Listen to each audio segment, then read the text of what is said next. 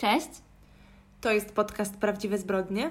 odcinek 47. Tak, nie mogę uwierzyć, że za chwilę będzie odcinek 50, ale w sumie mówię tak, co odcinek chyba, więc...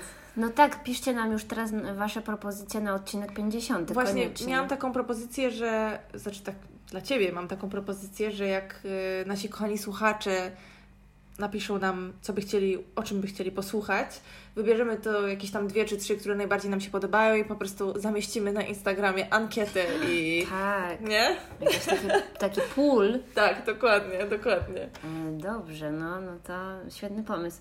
A bo w ogóle ostatnio gdzieś tam mi się pojawiła e, w internecie na tej grupie podcasterów, pewnie Wy nie wiecie o co chodzi, no ale e, jest coś takiego, jakby my się tam... Tajna grupa Tajna podcasterów. grupa podcasterów, my się tam za bardzo nie udzielamy, no ale jest i czasami mi tam wpadają te wiadomości i się jakaś dziewczyna widziałam, że pytałaś, pytała o sens tego, po co numerować odcinki. Mhm. I ja też przeczytałam tam tej rozkminy i doszłam do wniosku, że faktycznie no niby jest to bez sensu w sumie, żeby mówić na przykład, wiesz, no bo my się witamy, mówimy Tak. jaki jest odcinek, a w sumie każdy wie, no bo kliknął na to, a to jest też w tytule i jakby to Tak. jest, wydaje się takie trochę idiotyczne, ale z drugiej strony to tak mm, pozwala nam jakoś tak za... No bo jak miałybyśmy inaczej zacząć? E, Właśnie. tak nawet, aby nawet nie powiedzieć... No tak, no nie wiem właśnie, No, nie wiem jak inaczej do tego jest, podejść. Bo przecież jak masz, nie wiem, kanał na YouTubie i nawet nagrywasz No. vlogi, to przecież nie numerujesz tego. Mimo to, że pokazujesz w pewnym sensie jakiś, nie wiem, progres swojego życia, prawda? No, w sensie, no gdzieś właśnie. idziesz do przodu. Może jak są na przykład te takie podcasty śledcze, no to one mają sens, bo jakby numeracja odcinków pozwala Ci Znaczy, słuchać je po kolei. jest historia, która ma więcej niż jeden Tak, odcinek, tak. No, no w sumie tak. A tutaj... Nie no, ma to w sumie Nie ma, to sensu. bardziej jest dla nas Ale to chyba. jest dla nas taka właśnie chyba zabawa, żeby odliczać, ile już nam się udało zrobić No. po prostu i tyle. Ja jestem z nas dumna i w ogóle bardzo za każdym razem tak mi się ciepło na sercu robi, jak widzę, jak ktoś nam mówi, że jesteśmy systematyczne. Tak. I tak mi się robi miło, bo w sumie ominęłyśmy tylko jeden tydzień chyba do tej pory, tam w okolicach świąt, czy coś w ten deseń.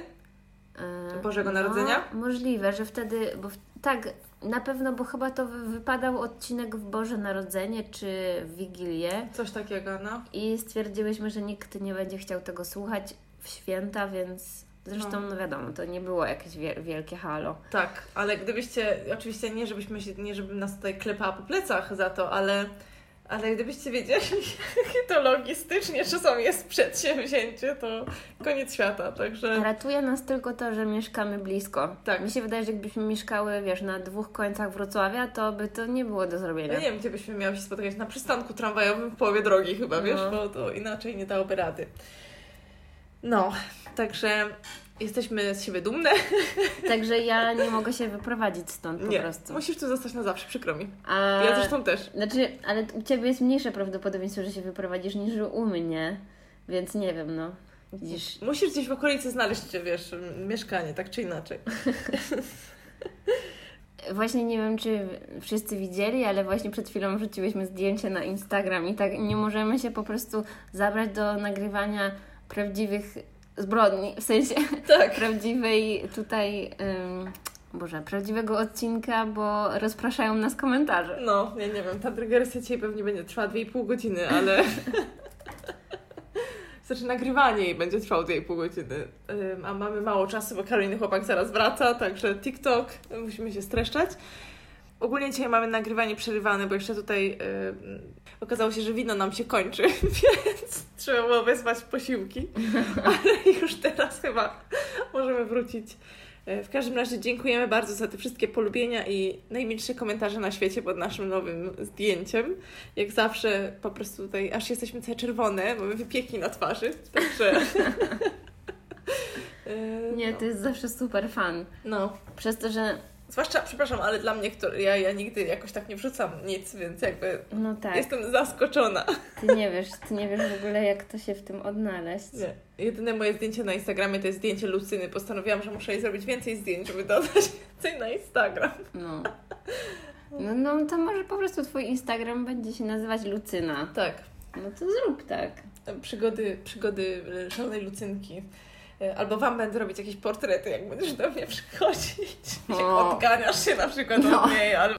W każdym razie chciałyśmy tutaj y, pozdrowić y, już teraz chyba kolegów po, po fachu, można tak powiedzieć, Mhm. ym, którzy zaczęli nagrywać też podcast kryminalny dwóch chłopaków. Podcast się nazywa No nie gadaj? dokładnie. Chyba, tak? Y, tak mi się wydaje. tak, chyba tak. Jeżeli coś przekręciłyśmy, to przepraszam. Kiedyś tam chyba nawet była jakaś wymiana. Tak, bo jeden z, z, jeden z chłopaków napisał do nas coś a propos, w ogóle absurd, żeby do nas pisać takie pytanie. Ale napisał Ale do nas a propos Nie sprzętu. wiecie, jak nam było miło wtedy, No, nie? no, To w no. ogóle. Napisał do nas, na, na czym nagrywamy, czy to jakiś mikrofon, czy to coś tam, Mm. a my odpisałyśmy, że mm, no wiesz, my nagrywamy na telefonie. To jeszcze było chyba zanim się przyznałyśmy, że E, podcasty są nagrane na telefonie. No, nagrywamy na telefonie i ogólnie to jest właściwie rada do wszystkich z Was, bo mi się wydaje, że teraz tych podcastów będzie coraz więcej, bo faktycznie one rosną jak grzyby po deszczu. Mhm. I dobrze, bo to jest No dobra. i w sumie dobrze, nie mam nic przeciwko, bo to widać, że po prostu ludzie w Polsce zaczęli uznawać podcast jako takie nowe medium, no nie? Mhm. Więc to oznacza, że będzie coraz więcej jakby możliwości podcastowych w Polsce. No ja w ogóle uznaję wyższość e, podcastu nad y, YouTube'em pod tym względem, że możesz robić cokolwiek słuchając podcastu. Nie musisz się gapić w ekran. Nie? No tak, że to jest coś takiego e, dodatkowego. Mhm. Każdym razie jeden z tych chłopaków, y, Grzegorz, e, pozdrawiamy, napisał właśnie do nas tą wiadomość o tym mikrofonie, bla bla bla. No i poradziłyśmy właśnie, żeby nagrywali na telefonie i zobaczyli jak to wyjdzie po prostu, no bo po co kupować sprzęt przed y, nagraniem chociażby jednego odcinka, bo może się okazać może się okazać, że na przykład wcale się Wam to nie spodoba, no nie? Że to no będzie tak. dziwne, że nie wiem, że będzie coś nie tak. No to tak jak wszystko inne, nie, nie wszystko jest dla każdego, że tak, Tak, powiem. no jeżeli chcesz zostać youtuberem, no to nie kupisz sobie y, z dnia na dzień jakiejś najbardziej wypasionej lustrzanki y, z 10 obiektywami i 50 statywów i Mikrofon. nie zatrudnisz całej ekipy produkcyjnej, no, No. nie? No bo bez sensu. Więc tak. Dlatego dajemy tutaj shout-out dla podcastu No Nie Gadaj, bo nie powiem, że przesłuchałyśmy wszystkie odcinki, bo jeszcze nie było na to czasu, ale z tego, co zauważyłyśmy, to chyba jakby męska część naszej publiczności, znaczy naszych słuchaczy, mogłaby się tam odnaleźć bardziej, bo jak to ktoś nam kiedyś powiedział, my gadamy o, nie wiem, tam podpaskach i okresie i to jest po prostu y, nie do zniesienia dla mężczyzn, a tam chłopcy chyba gadają o y, jakichś sportach Mhm. y, w stylu piłka nożna, więc tam może y, no. Życzymy powodzenia, trzymamy kciuki i też jest true crime, więc jakby no. E, True crime ze śmieszkowym zacięciem. Otóż to. No i jak zauważyliście, może Karolina wróciła ze swojej podróży. Jak było? A to był tylko weekend, było super, pojechałam odwiedzić y, swoje przyjaciółki, y, było bardzo fajnie, teraz już ich tak często nie widuję, no bo mieszkają za granicą, więc za każdym razem jak y, mogę tam pojechać, to y, To jedziesz. Się cieszę. No nie, no to bardzo się cieszę i, i cóż mogę powiedzieć, no picie drinków i oglądanie Magdy Gessler y, wspólnie, śmianie się i nawet raz poszliśmy do miasta, także uznaję to za sukces. I pozdrawiam oczywiście. Bo ty właściwie lecisz za granicę tak, jakbyś wsiadała w samochód i jechała po prostu do domu do sąsiada. Trochę W sensie to nie ma znaczenia, że zmieniasz kraj, no, No nie? nie, Bo nie, nie, ani tak. nie zwiedzasz, ani Nie. tam nie No wiadomo jak już co. gdzieś jedziesz któryś raz, wiesz, no to jakby... Zresztą może to brzmi trochę strasznie, ale ja tam też nie jeżdżę w celach turystycznych, tylko No tak, spotkać się. I oczywiście, że tam zahaczamy, za każdym razem gdzieś tam pojedziemy, wiesz, to jakieś widoczki, to jakieś, wiesz, tam coś. Okej, ale y, teraz bardziej naturą tam się zachwycaliśmy, pojechaliśmy gdzieś tam nad morze i tak dalej. Ale no głównym, główną rozrywką tutaj jest jednak spędzanie razem czasu, także no. No, cute, nie? Ja wiem, ja wiem. Tak. Ja nie pamiętam chyba, co robiłam w weekend. Przypomnij mi. A, ja w ogóle zdarzyła mi się tragedia, mogę opowiedzieć. Ja nie wiem, co ty robiłaś w weekend, a wiesz dlaczego? Dlatego, że popsuł mi się telefon. Dlatego ja też się nie odzywałam. Myślałam, że tak Zbił- dobrze się bawisz. To swoją drogą, ale wiesz, zawsze jednak jakieś tam snapy, cokolwiek, nie? A Mhm. rozbił mi się telefon, Nie e, zauważyłam. bo już został wymieniony.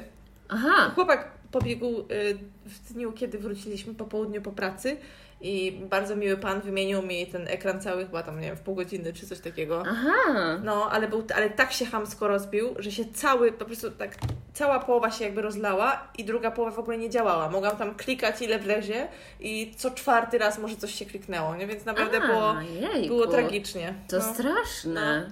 A to jeszcze Najgorsza rzecz, jaka może się ja wydarzyć. wiem, wiem, jak, to jest śmieszne, ale jak ja położyłam się do łóżka tego dnia, jak mi się telefon rozbił, to myślę, a dobra tam, rano się obudziłam i wiesz jaki jest pierwszy odruch.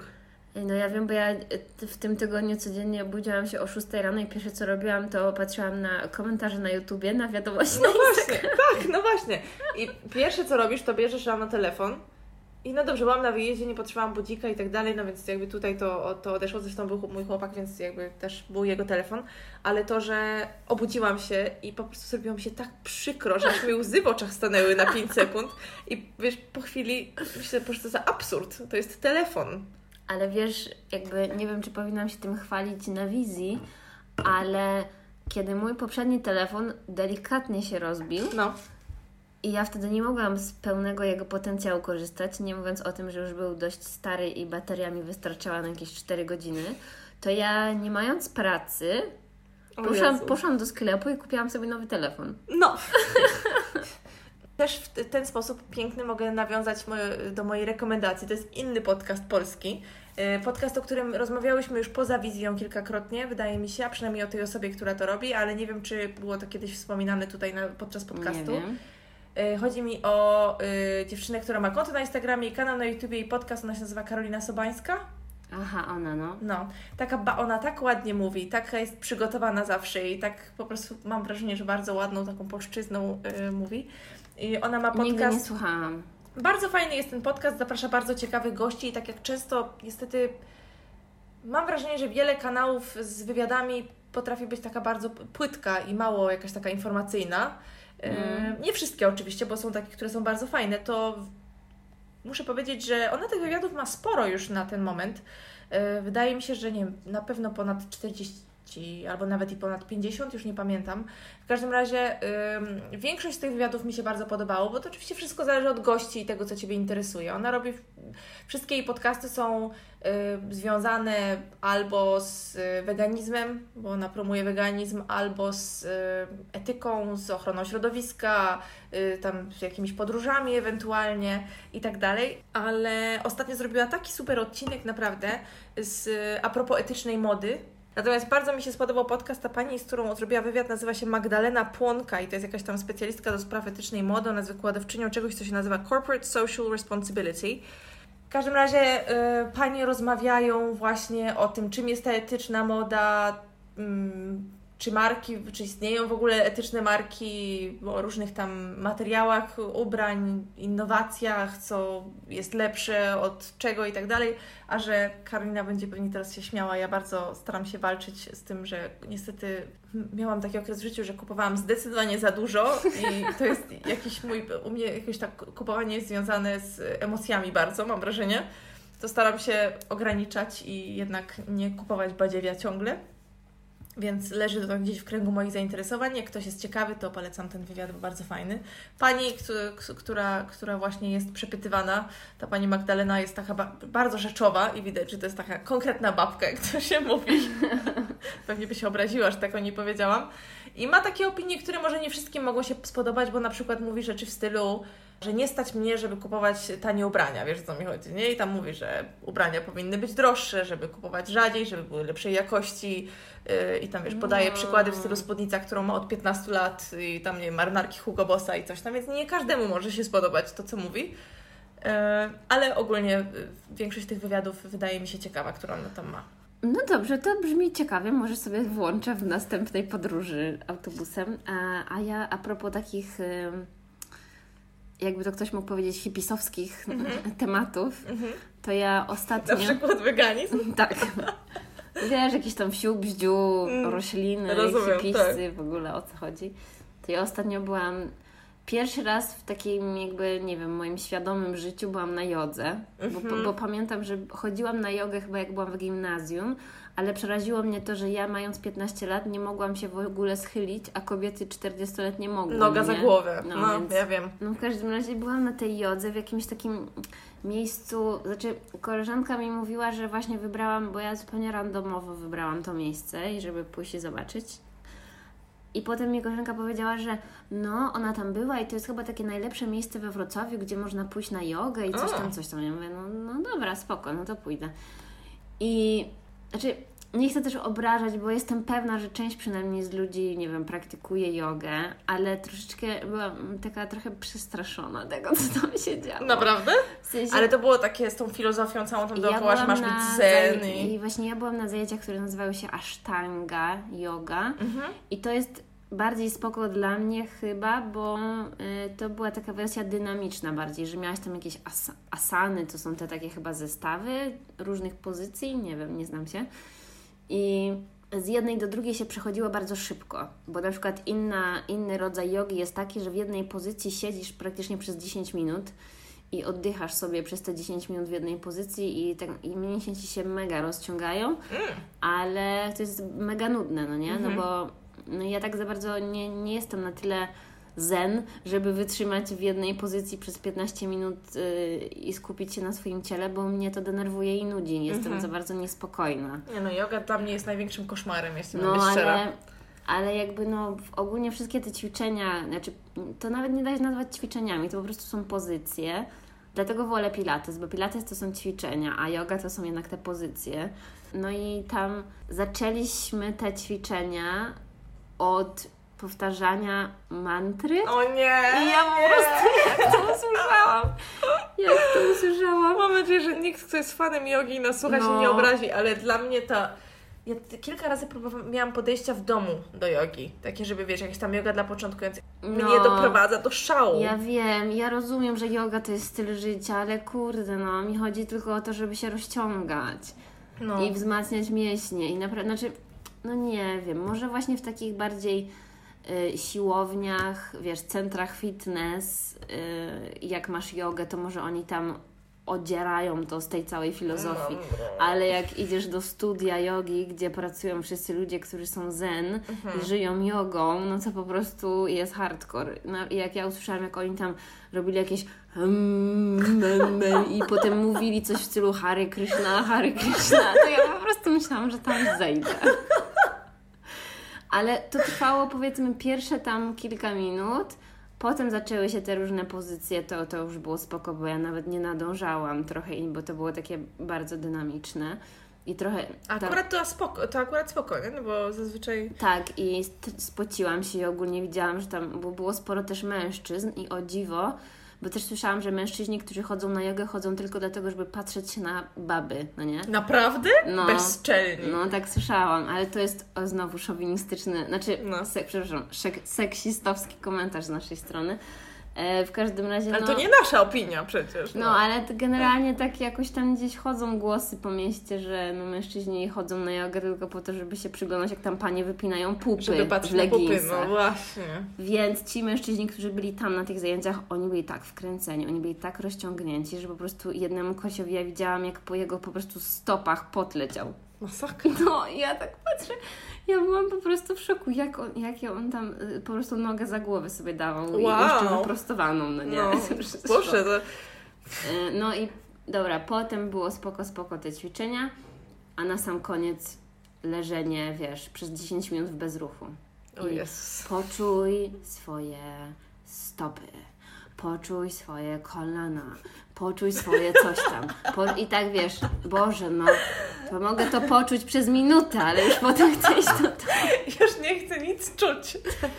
Nie, naprawdę, medytacja zdecydowanie nie jest dla mnie. Mm-mm. Nie no, przyznam, przyznam naprawdę, że mm, ja się też żenuję. W sensie jakby ja nie mam nic przeciwko, jak ktoś mi mówi, wiesz, że lubi, że A, mi się i to przepraszam, podoba. przepraszam, przepraszam. Jeszcze była najważniejsza rzecz, która mnie zażenowała. No. Pani na sam koniec powiedziała coś w stylu, żebyśmy podziękowali sobie, czy tam swojemu y, ciału, czy tam, jak to się odmienia? Swojemu ciału za No te, nie ciałowi. No, za to, co tam zrobiliśmy i powiedziała coś w stylu, żebyśmy też ym, użyła innego słowa, ale żebyśmy tak się nie pomodlili, tylko co innego. Żebyśmy poprosili o pokój na świecie? Coś takiego powiedziałam. To znaczy, wiesz, piękne, piękna intencja, ale... Ale nie na ćwiczeniach, kiedy idziesz tam po to, żeby się rozciągnąć i spocić. No nie wiem, ja chyba już tam nie wrócę.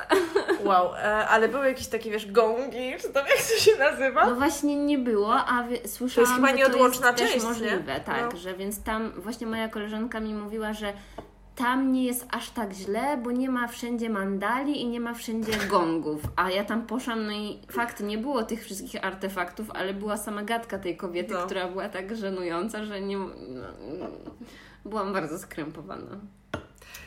Jestem w szoku, że nie uciekłaś. No, Składam Ci ja gratulacje. chciałam, ja chciałam naprawdę tego doświadczyć, żeby wiedzieć po prostu na przyszłość, ale Mhm. wydaje mi się, że teraz, żeby znaleźć miejsce na jogę, które by było takie ym, bardziej sarkastyczne, wiesz, to nie ma chyba takich miejsc.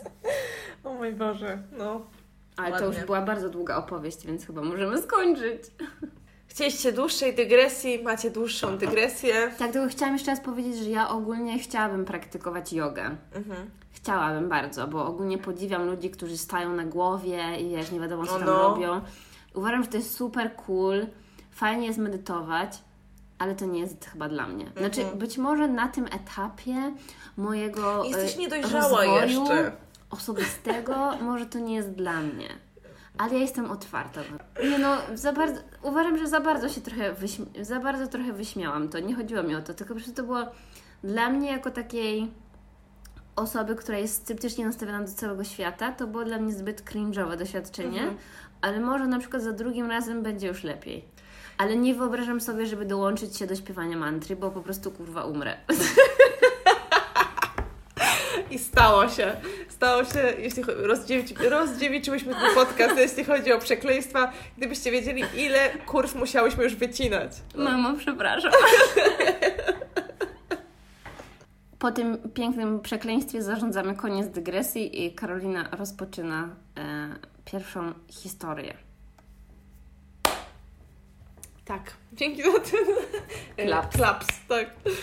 E, więc tak, e, dziś mam historię, którą wybrałam dlatego, że mnie poruszyła, można by powiedzieć. E, trafiłam na nią czytając o innej historii, o historii nastolatek, e, czy też nastolatków z Alaski, które e, zabiły, nie, nastolatek w sensie mieszanym, tam chyba była, byli, była dziewczyna i chłopcy, którzy zabili swoją koleżankę, dlatego że jakiś udawany milioner z internetu obiecał im tam 9 milionów y, czy coś w ten deseń i tam im wysyłał, co oni mają z nim robić i ona, ta dziewczyna, która się z nim dogadała, miała mu wysyłać zdjęcia z całej tej sytuacji. Także chore. Nie wybrałam tej historii, bo ona jest dosyć świeża i miałam wrażenie, że jest mało informacji na jej temat. W każdym razie potem coś tam zaczęłam googlać, przechodzić z artykułu do artykułu i trafiłam na tą historię, którą dzisiaj się z Wami podzielę. Mhm. I nie będę tutaj próbowała utrzymywać y, napięcia y, niepotrzebnego, tylko od razu powiem, że będę opowiadać historię Kim Proctor, tak się nazywała, ta nastolatka. Nie znam. Kim jest, e, czy kim była niestety, młodą Kanadyjką. Urodziła się chyba w styczniu 92, z tego co pamiętam. E, Jej rodzice byli tam. Jej matka była jakąś menadżerką w Walmartie, czyli to jest taki bardzo duży supermarket, powiedzmy, amerykański, gdzie kupicie dużo wszystkiego i bardzo tanio. A jej ojciec był chyba mechanikiem. W każdym razie pracował w warsztacie samochodowym, z tego co pamiętam. Y, Kim bardzo kochała zwierzęta i cierpiała też na ADHD. W każdym razie wszyscy wiemy, co to jest ADHD. Myślę, że każdy zna kogoś, czy znał kogoś, kto, kto to miał i wiadomo, że są różne też Odmiany. odmiany tego, w sensie ma to różną siłę w zależności od przypadku, ale może to być y, no, takie bardzo uciążliwe w życiu. No i akurat właśnie Kim niestety przez to ADHD miała trochę problemów i też w artykule na Vanity Fair było napisane, że rodzice tam podawali jej różne leki, natomiast zaprzestali robienia tego, dlatego że jak oni to opisali ładnie, stawała się takim zombie troszeczkę, jak to jej matka powiedziała po tych lekach, więc postanowili jej tych leków nie działać i nie działać, przepraszam, nie dawać i po prostu przepisali ją do takiej szkoły, która, w której były dzieci takimi no bo przypadkami leki innymi. na ADHD to są po prostu leki uspokajające. No właśnie, no i co tu robić, prawda? W sensie, no, no i dziecko... Każde leki uspokajające no. robią tak, że po prostu siedzisz i... No właśnie.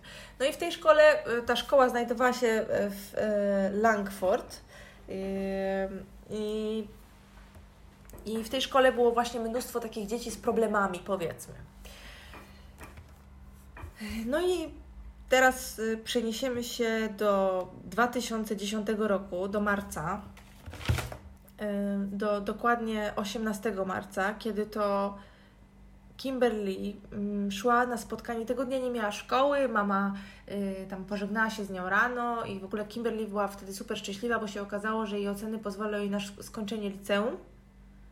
Y, i miała wielki plan pójść i być wolontariuszką, tam pracować w jakimś schronisku dla zwierząt czy coś takiego. Mhm. I bardzo się z tego powodu cieszyła, no bo tak jak mówiłam wcześniej, bardzo zwierzęta kochała i też w tym artykule na Vanity Fair tam wspominali, że dzieci bardzo się z niej śmiały, ponieważ ona chyba w podstawówce nosiła takie kocie uszy cały czas, bo miała jakąś taką, wiesz, mini obsesję kotami czy coś ten desen i tam dzieci się z niej ogólnie śmiały i w kilku źródłach znalazłam, że była taka dosyć prześladowana, mhm. zanim, zanim chyba poszła do tej szkoły e, kolejnej. E, no i w tej szkole chyba też miała średnio, ale to powiem później dlaczego. E, właśnie w marcu 2010 mm, Kimberly nie miała tej szkoły, miała tylko pójść do pracy, mm, pracowała jako opiekunka, ale do tej pracy nigdy nie poszła, dlatego że poszła na spotkanie z kolegami ze, ze szkoły. Poszła na spotkanie z Cameronem Maffat i Cruzem Wellwoodem do domu Wellwooda właśnie z tego co pamiętam. I tam koledzy rzucili się na nią, bili ją, torturowali, okaleczali, opowiadać o no niej i jak do tego wszystkiego doszło. Tak, ale to było to straszne. Najpierw ją związali, związali jej ręce i, i nogi, zakneblowa, zakneblowali ją i tutaj w różnych źródłach były różne rzeczy. Na przykład w artykule na Vanity Fair, z tego co pamiętam, powiedzieli, że zakneblowali, zakneblowali ją skarpetką i zakleili to taśmą. A na jednej ze stron znalazłam jakiś list ojca tej dziewczyny, napisany w sprawie, do, o której później opowiem, yy, gdzie on mówi, że oni ją zakneblowali, zakneblowali, nie wiem dlaczego to jest takie trudne słowo, jej własną bielizną. Więc jakby, no to są szczegóły, ale no tak. Właśnie ją zakneblowali. tak. częścią odzieży. Później przez kilka godzin ją gwałcili i bili wiesz, tam kopali, Boże. torturowali, wpychali jej różne przedmioty w narządy rozrodcze i w odbyt. Boże. Jakiś tam znaleźli, jakiś tam... A ile oni mieli lat wszyscy? Y, Cameron miał 17, a Cruz 16. Na przykład jakieś tam patyczki od lizaka, tego typu rzeczy. Boże. Następnie po tym właśnie, jak jej tą całą krzywdę zrobili, wsadzili, wypchnęli ją do zamrażarki w garażu Co? jednego z chłopaków. I przyczyną jej śmierci było uduszenie się, ale tak naprawdę nie wiadomo, czy ona się udusiła podczas tych tortur, czy jak już była w tej zamrażarce, no bo ona była, wiesz, tak mocno zakneblowana. To oni ją żywą wsadzili do zamrażarki? Ciężko stwierdzić, wiesz, ona mogła stracić przytomność. Znalazłam różne wersje, że najpierw umarła i potem ją wypchnęli do zamrażarki, a widziałam też, że y, bardzo możliwe, że ona dopiero w tej zamrażarce, wiesz, dokończyła swój żywot. Hmm. Dlatego właśnie ta historia mnie tak bardzo zszokowała i to nie jest jeszcze jakby... Nie podoba mi się. No, w ogóle nie ma tutaj nic śmiesznego, więc ja już swoje śmieszki chyba skończyłam w dygresji. Jak to się stało, że Kim w ogóle tam poszła? No więc y, oni wszyscy w trójkę obracali się w tej samej grupie znajomych. I było tak, że Kim wcześniej była przez kilka miesięcy, chyba z tego co pamiętam, w związku z kolegą Cruza i mm, Camerona, Zak chyba miał na imię ten kolega, no ale po kilku miesiącach on ten związek zakończył i z tego co rozumiem, no to Kimberly było bardzo smutno. E, no i ona utrzymywała z tymi właśnie dwoma chłopakami taki kontakt y, też mocno internetowy, bo bardzo dużo ze sobą rozmawiali, mm, tam jakieś flirty odchodziły. E, jeden z nich, z tego co pamiętam, Cruz, y, powiedział jej, że ona mu się bardzo podoba, natomiast jakby no, nie pykło. Tutaj też znalazłam różne informacje, bo z tego co zrozumiałam, to oni oboje chyba trochę z nią flirtowali. Yy, bo tak, w tym artykule na Vanity Fair jest napisane, są nawet cytaty z ich rozmów i jest tam cytat z tego, jak ten Cameron mówi jej, jak ona jest tam piękna, ale ona chyba tylko powiedziała dzięki, jakby tyle z tego było i tam sugerują, czy nawet piszą wprost, że ona była bardziej zainteresowana tym cruzem. Natomiast na innej stronie internetowej, już nie pamiętam, co to była za strona, yy, jakaś właśnie tam kanadyjska, jakieś wiadomości, było napisane, że... Yy, ten Cruz jakby okazał jej kiedyś zainteresowanie, jakby zaprosił ją na randkę czy coś w ten deseń, ale ona go odrzuciła. Więc które z tego prawdą jest, nie wiem, natomiast ponoć jakieś takie flirciarskie yy, wiadomości były wymieniane z obojgiem. Yy, tak, natomiast też w kilku miejscach znalazłam taką informację, że ta grupa znajomych, w której ona się obracała, trochę się też z niej naśmiewali ogólnie i trochę też nie miała tam z nimi lekko, właśnie przez to, że była dziewczyną ym, jednego z tych, i, by, byłą dziewczyną jednego z tych ich kolegów i jak to y, jeden ze sprawców powiedział, że w sumie prześladowali ją ze względu, wiesz, tylko i wyłącznie na to pack mentality, prawda, czyli na tą grupową taką nie wiem jak to się ładnie mówi po polsku, że jedno no, wpływa na drugiego. Tak, tak? mentalność. Okej, okay, no to właśnie o to mi chodziło. Dziękuję. E, fajnie. Nieźle się popisałam. Teraz może powiem coś więcej o tych chłopakach, bo to jest po prostu jakaś, jakiś absurd. Um, oni oboje y, również chodzili do tej szkoły dla tych powiedzmy trudnych dzieci, nazwijmy to. Tak jak wspomniałam, Cameron był starszy, miał 17 lat w chwili popełnienia morderstwa. Ten Cruz był o rok młodszy, bo miał lat 16. I y, Cruz mieszkał y, ze swoją matką i nie miał się nie mieszkał z ojcem, uwaga, dlatego że jego ojciec siedział w więzieniu za morderstwo. Mm. I teraz też mam tutaj e, jakieś tam szczegóły na temat tej sprawy. On został skazany za morderstwo drugiego stopnia na, na 16-latce. Ten ojciec? Tak, tak, dokładnie. Ten ojciec e, w, w październiku chyba 2001 yy, napastował seksualnie jakąś tam dziewczynkę, ona się chyba nazywa Cherish, coś takiego, miała 16 lat i właśnie potem ją po prostu pobił na śmierć, jakby zakatował coś, coś w ten deseń i, i zostawił jej ciało gdzieś tam zakryte kamieniami. Yy, I uwaga, zrobił to jak był na przepustce. Boże za inne jakieś tam napaści seksualne. No, no to już nie powinien nigdy wyjść z więzienia. No generalnie. No otóż to, on tam chyba było, gdzieś znalazłam taką informację, że on dostał dożywocie z możliwością starania się o wyjście warunkowe chyba po 15 latach czy po iluś. Więc to i tak mało w sumie, jak coś takiego. Ogólnie on miał bardzo, ten jego ojciec miał bardzo bogatą historię różnego rodzaju napaści. Chyba jakoś tam pierwsza, która jest zapisana, była w 93, kiedy e, włamał się do domu jakiejś kobiety i e, próbował ją, mm, znaczy prawdopodobnie szykał się, szykował się do gwałtu, bo próbował ją zakneblować. Także no, y, cóż, cóż to mogę powiedzieć. Jest to chyba dosyć podobne do tego, co zrobił jej syn, jego syn, prawda? No i właśnie, jak ci chłopcy, y, oni się poznali jako dzieci i ich przyjaźń z, zawiązała się w oparciu o y, po wspólne zainteresowania, czyli na przykład gry. Mhm. Oni oboje, jako nastolatkowie, grali w World of Warcraft a, Wowa. Tak, dokładnie, Wowa. Y, ale wcześniej tam, odkąd, odkąd byli mali, no to się tam bawili w różne gry, jakieś tam różne rzeczy. Poza tym wspólnie jakoś tam wprowadzali się w świat y, pornografii, w stron z taką bardzo po, sadystyczną y, pornografią, taką bardzo brutalną. Mhm. I gdzieś tam to ich bardzo fascynowało, dzielili się wzajemnie wzajemnie ze sobą, a z kim innym mieli się dzielić e, fantazjami swoimi, które przybierały coraz to taki e, bardziej realny kształt, można by powiedzieć. Mhm. E, jak to jeden z nich powiedział coś takiego, że jakby oni tak od siebie, wiesz, jak to się mówi, wzajemnie się, można by powiedzieć, napędzali tutaj Karolina. Nakręcali może. No, jeszcze lepsze, Karolina mi tu pomaga. I ogólnie ten Cruz, czyli ten młodszy, chyba tak jakby ta przyjaźń się ich zaczęła od tego, że ten Cruz, przynajmniej tak jak on twierdził, to on y, Camerona tak podziwiał, że on mu się wyda wydawał taki cool, wiesz, taki fajny. On nawet chyba w jakimś artykule użył y, takiego stwierdzenia, że był cool i doświadczony. Nie, nie wiem, jak dwunastolatek może być doświadczony w czymkolwiek, no ale może był. Znaczy na, na pewno był, to do dochodzi, tego wrócę później. To też jeszcze chyba dochodzi do tego, że oni byli wtedy y, chłopcami, no ale jakby byli płci męskiej I mężczyźni chyba mają coś takiego, że lubią sobie wybierać jakiegoś, znaczy nie wiem, bo jakby nigdy nie byłam, Mhm. ale z tego co wiesz, y, z tego co obserwuję, to mężczyźni lubią mieć takiego starszego mentora. Mhm. Albo uważać kogoś za lepszego, bo ma większe doświadczenie, wiesz, na przykład, no nie wiem, chociażby w serialach, typ, który ma najwięcej dziewczyn zawsze będzie mieć takie największe, wiesz, poważanie, że o stary, ale fajnie, że masz takie doświadczenie, No, może mi wow, pomożesz cool. poderwać dziewczyn, wiesz, Tak.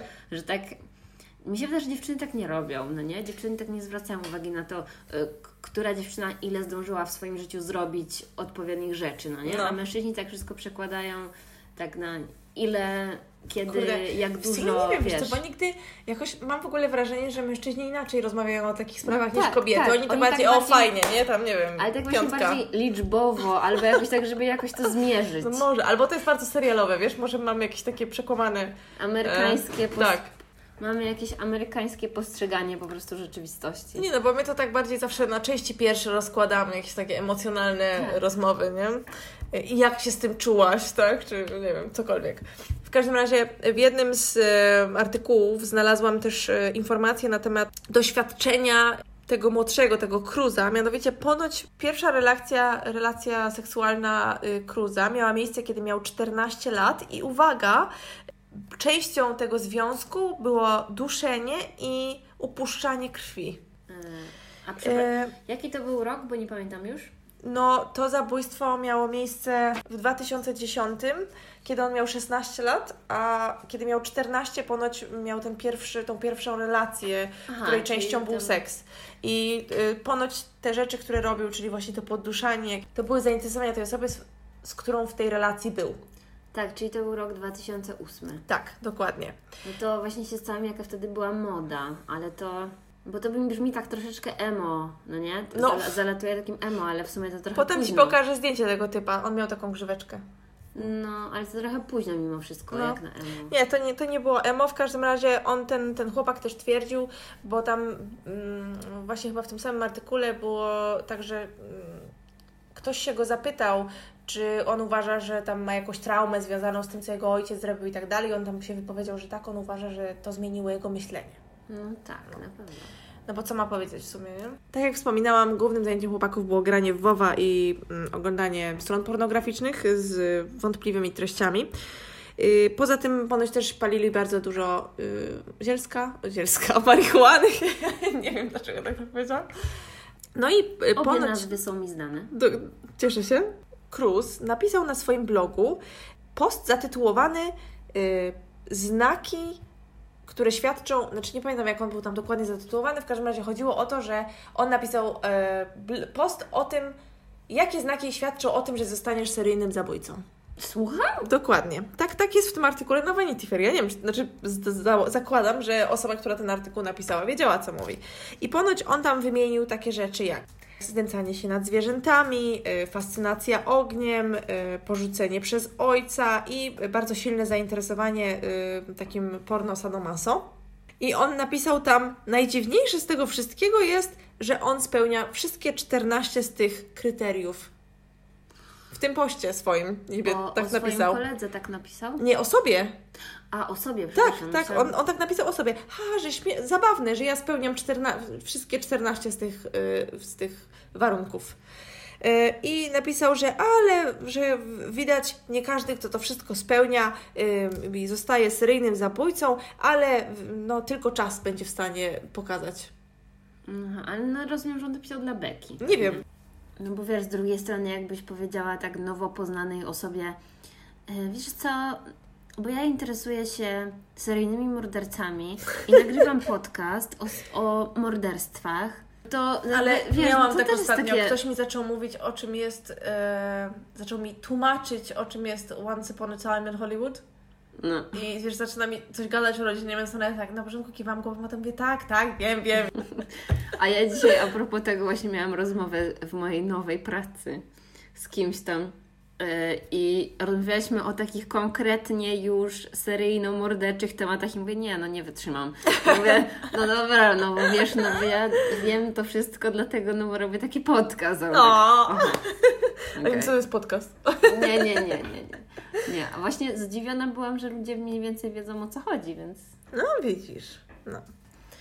No, jeśli chodzi o tego starszego, czyli Kama, e, no to tutaj mm, też właśnie w tym artykule na Vanity Fair to akurat mogę podlinkować.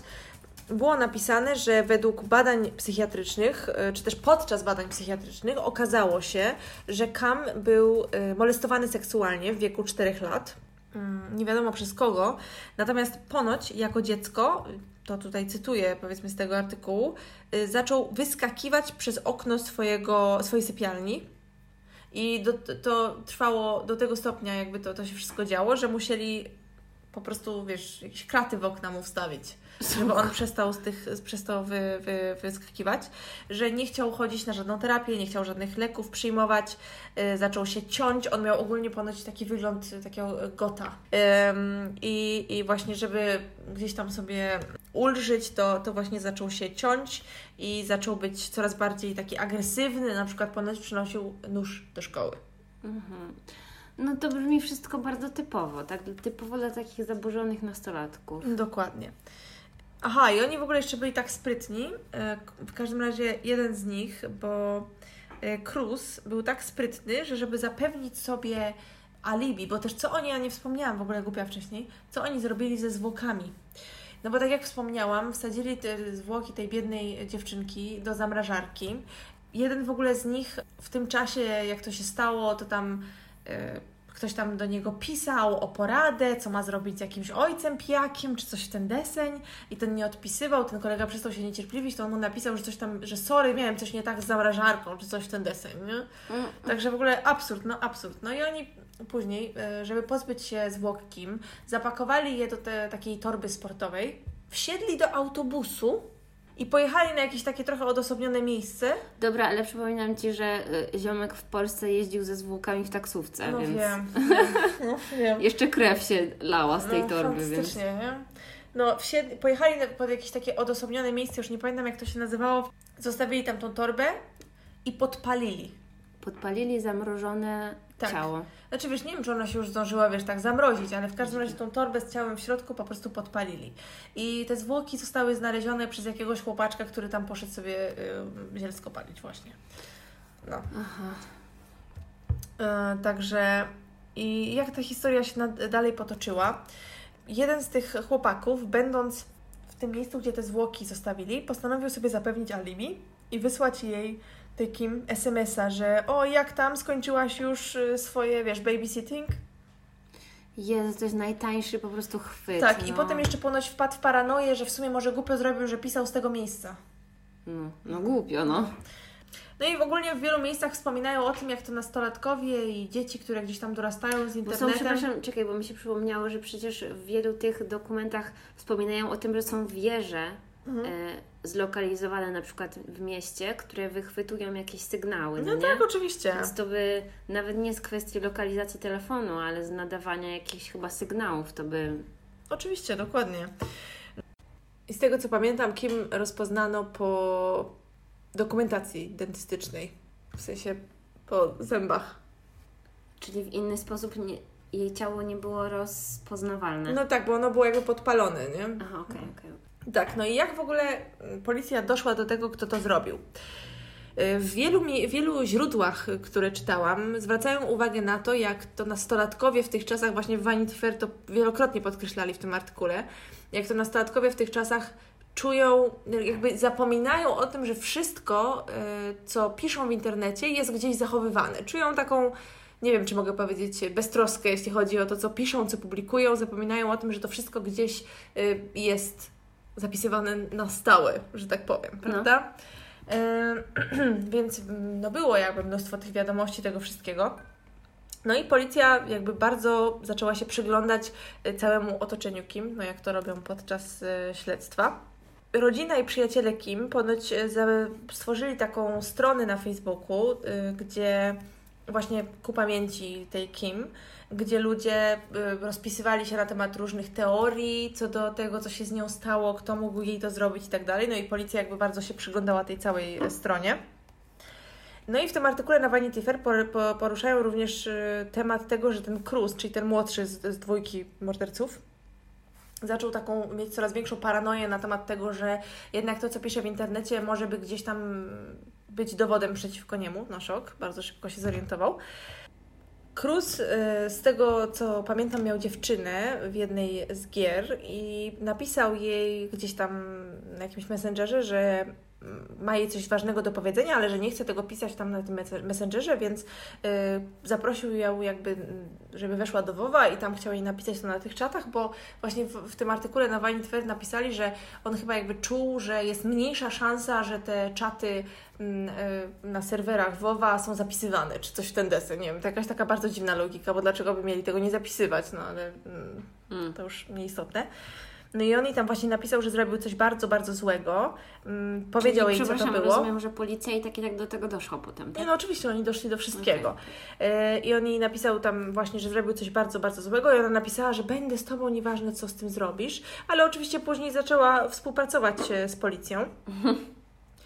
E, I e, ten drugi, ten Kam, też potwierdził właśnie na czacie w WoWie to, co powiedział wcześniej Cruz więc jakby.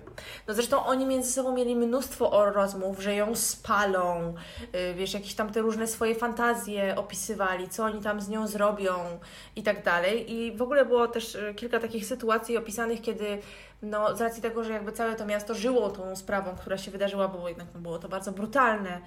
I no to w szkole, jak na przykład ktoś wspominał, jedna z przy, jakaś tam przyjaciółka tej Kim, czyli tej, tej ofiary, wspominała tą Kim, zastanawiała się, co się z nią dzieje i tak dalej. To ponoć ten Cruz wybuchał i mówił, że to nikogo to obchodzi, że to jest nieważne, że przecież ta ona nie żyje, że o czym w ogóle jest ta dyskusja i to się ponoć wydarzyło kilkakrotnie, że tak bardzo brzydko mówił, że wiesz, kogo, że wszystkich to powinno główno obchodzić i tak dalej, że przecież ona nie żyje i w ogóle o czym tu dyskutować i jakby mm, nie dość, że nie wykazywał skruchy, to wręcz przeciwnie, był w ogóle poirytowany, że ten temat, nie wiem, wypływa czy Czyli cokolwiek. zupełnie nie starał się y, trzymać po prostu, jak to się mówi. Tak, do, do tej Samanty właśnie, do tej przyjaciółki Kim powiedział coś w stylu, jak ona powiedziała, ach, nie mówmy o niej, bo mi tam jest przykro, to on powiedział, że właśnie, że wszystkich to gówno obchodzi, mm, ona nie żyje, cieszę się, że nie żyje, nienawidziłem jej na przykład, czy coś w ten deseń. Mhm. Kilka godzin po tym, jak oni zabili Kim, pisali, do jakiejś, do dziewczyny jednego z nich y, i próbowali ją zwabić do siebie do domu. Natomiast ona na szczęście nie przyszła. Żeby znowu kogoś zabić? Ciężko powiedzieć, ale prawdopodobnie tak. I potem właśnie Cam z Cruzem, Cam ponoć napisał do Cruza 25 marca, że a, że skoro, też jest znowu cytat z tego Vanity Fair czatu między nimi, że skoro mm, takim łatwo się udało zabić Kim, to powinni to zrobić jeszcze raz. I potem właśnie różni biegli tam wspominali o tym, że gdyby nie to, że udało się ich zatrzymać, to oni by to na pewno robili dalej. Natomiast też znalazłam w jakimś tam źródle informację, że Kam powiedział, że to ten Cruz był tym takim bardziej nieokiełznanym, powiedzmy, że jego tak miał jakieś takie napady wściekłości, czy, czy coś w ten deseń. Nie wiem, czy to było zwykłe zwalanie winy, czy, y, czy po prostu rzeczywiście tak było. Mm, I też właśnie na tym, w tym artykule na Vanity Fair jest coś takiego, że tam jakiś policjant pytał się Cruza, mm, jaka osoba mogła to zrobić, nie? To, to, to, to, to, co się stało, kim. I on napisał, że ktoś, kto właśnie wpadł na przykład w jakiś szał, czy ktoś, kto uważa, że, że warto kogoś zabić. I jak Cruz wypowiadał się, ponieważ tak, Cruz po 10 latach, oni oboje zostali skazani na dożywocie w 2011. I y, była taka opcja, że po 10 latach mogą się starać o wyjście warunkowe. I taki wniosek też złożył właśnie ten młodszy Cruz. I no, rodzice byli zrozpaczeni, i właśnie wtedy ojciec Kim napisał ten list, o którym wcześniej wspominałam, gdzie opisywał całą tą sprawę. Mówił, że jego żona, która przez x lat chodziła na terapię, była na lekach cały czas, jak ciężko było ich, ich rodzinie pogodzić się z tym wszystkim, co się stało i zacząć, wiesz, ponownie normalnie żyć, że w końcu z tych leków y, mogła zrezygnować, a kiedy ten y, Cruz złożył wniosek o warunkowe wyjście z więzienia, no to musiała na te leki wrócić, że wiesz, że po prostu jakby wstrząsnęło to całą rodziną. Oni byli zażenowani y, tym, jak wygląda prawo i karanie osób, które do, popełniają takie straszne przestępstwa. Oni niby mieli być ukarani jako dorośli, natomiast tam narzekali na to, że jakby ponoć młody wiek ich jednak miał znaczenie, bo zamiast na przykład dostać tą możliwość wcześniejszego wyjścia po 15 czy po 25 latach, dostali możliwość starania się o wcześniejsze wyjście już po 10 latach. No co wiele, szybko. tak, co wiele osób uważało i myślę, że słusznie za skandaliczne. I w ogóle rodzina Kim em, jest strona taka, wchodziłam na tą stronę i tam normalnie jest petycja, którą można podpisać. y, i to się tam nazywa Kimberly's Law, czy coś takiego. I tam można wejść i podpisać petycję właśnie, żeby zmienić prawo dotyczące y, karalności i prewencji też takich przestępstw, a również bycia pociąganym do odpowiedzialności za tego typu y, przestępstwa. Y, No i właśnie wniosek tego Cruza został odrzucony i był argumento- argumentowany tak, że, bo tak, podczas, podczas tej, tego przesłuchania dotyczącego tego wcześniejszego wypuszczenia na wolność, y, Cruz opowiadał o tym, co się stało, tam jakiś ksiądz się y, wypowiadał na jego temat, że on się stał ortodoksyjnym katolikiem, że pracował nad sobą, ten Cruz mówił, że chciałby wyjść i gdzieś tam nad sobą popracować, że już nie ma takich mm, ciągot, że tak powiem, że już nie ma takich czarnych, jakichś takich, nie czarnych, ale mrocznych fantazji. E, natomiast niestety mm, później też na jego niekorzyść, na niekorzyść tego Cruza, później też rodzina y, zabitej się wypowiadała i jak słusznie ta osoba, która to wszystko przeprowadzała, y, argumentowała później swoją odmowę, czyli odrzucenie tego wniosku o wcześniejsze wyjście, w taki sposób, że jak ta rodzina się wypowiadała, to jakby ten, ten chłopak pozostawał kompletnie bez emocji, że nie było żadnej reakcji widać na jego twarzy. Plus y, cały czas twierdzili, że za, za łatwo mu przyszło stwierdzenie, że on by w sumie chętnie wyszedł na wolność i że uważają, że przed nim jest jeszcze bardzo dużo pracy. I kolejny raz będzie mógł się starać o wyjście na wolność w czerwcu 2020. Em, Są takie nagrania z przesłuchania tego Kama. Są spisy różnych rozmów między nimi, w sensie Kama i, i Cruza, jak i również między chłopakami a tą ofiarą Kim. y, Kiedy tam, nie wiem, właśnie albo piszą jej, że jest piękna, albo chcą się tłumaczyć za to, że wcześniej może ją średnio miło traktowali, po tym jak ona, jak tam ten poprzedni chłopak z nią zerwał, jak tam jeden się jej zwierza, że ach, przy niej to on czuje taką silną potrzebę bycia szczerym, a przy innych tego nie czuje, wiesz, no tego typu jakieś tam różne bzdury, plus to, że potem mówią, a spalmy tą dziwkę i tak dalej, nie? Także no naprawdę... y, Aha, oni w ogóle, ja zapomniałam jeszcze powiedzieć o czymś ważnym, oni w ogóle oboje się wy, wybrali na pogrzeb jej, nie? Zanim zostali schwytani przez policję, zanim policja już miała wy, wystarczająco dużo dowodów y, po to, aby poprosić o y, nakaz, żeby sprawdzić te ich wszystkie wiadomości, wiesz, y, i tak dalej, nie? Dopiero wtedy mogli ich mm, aresztować.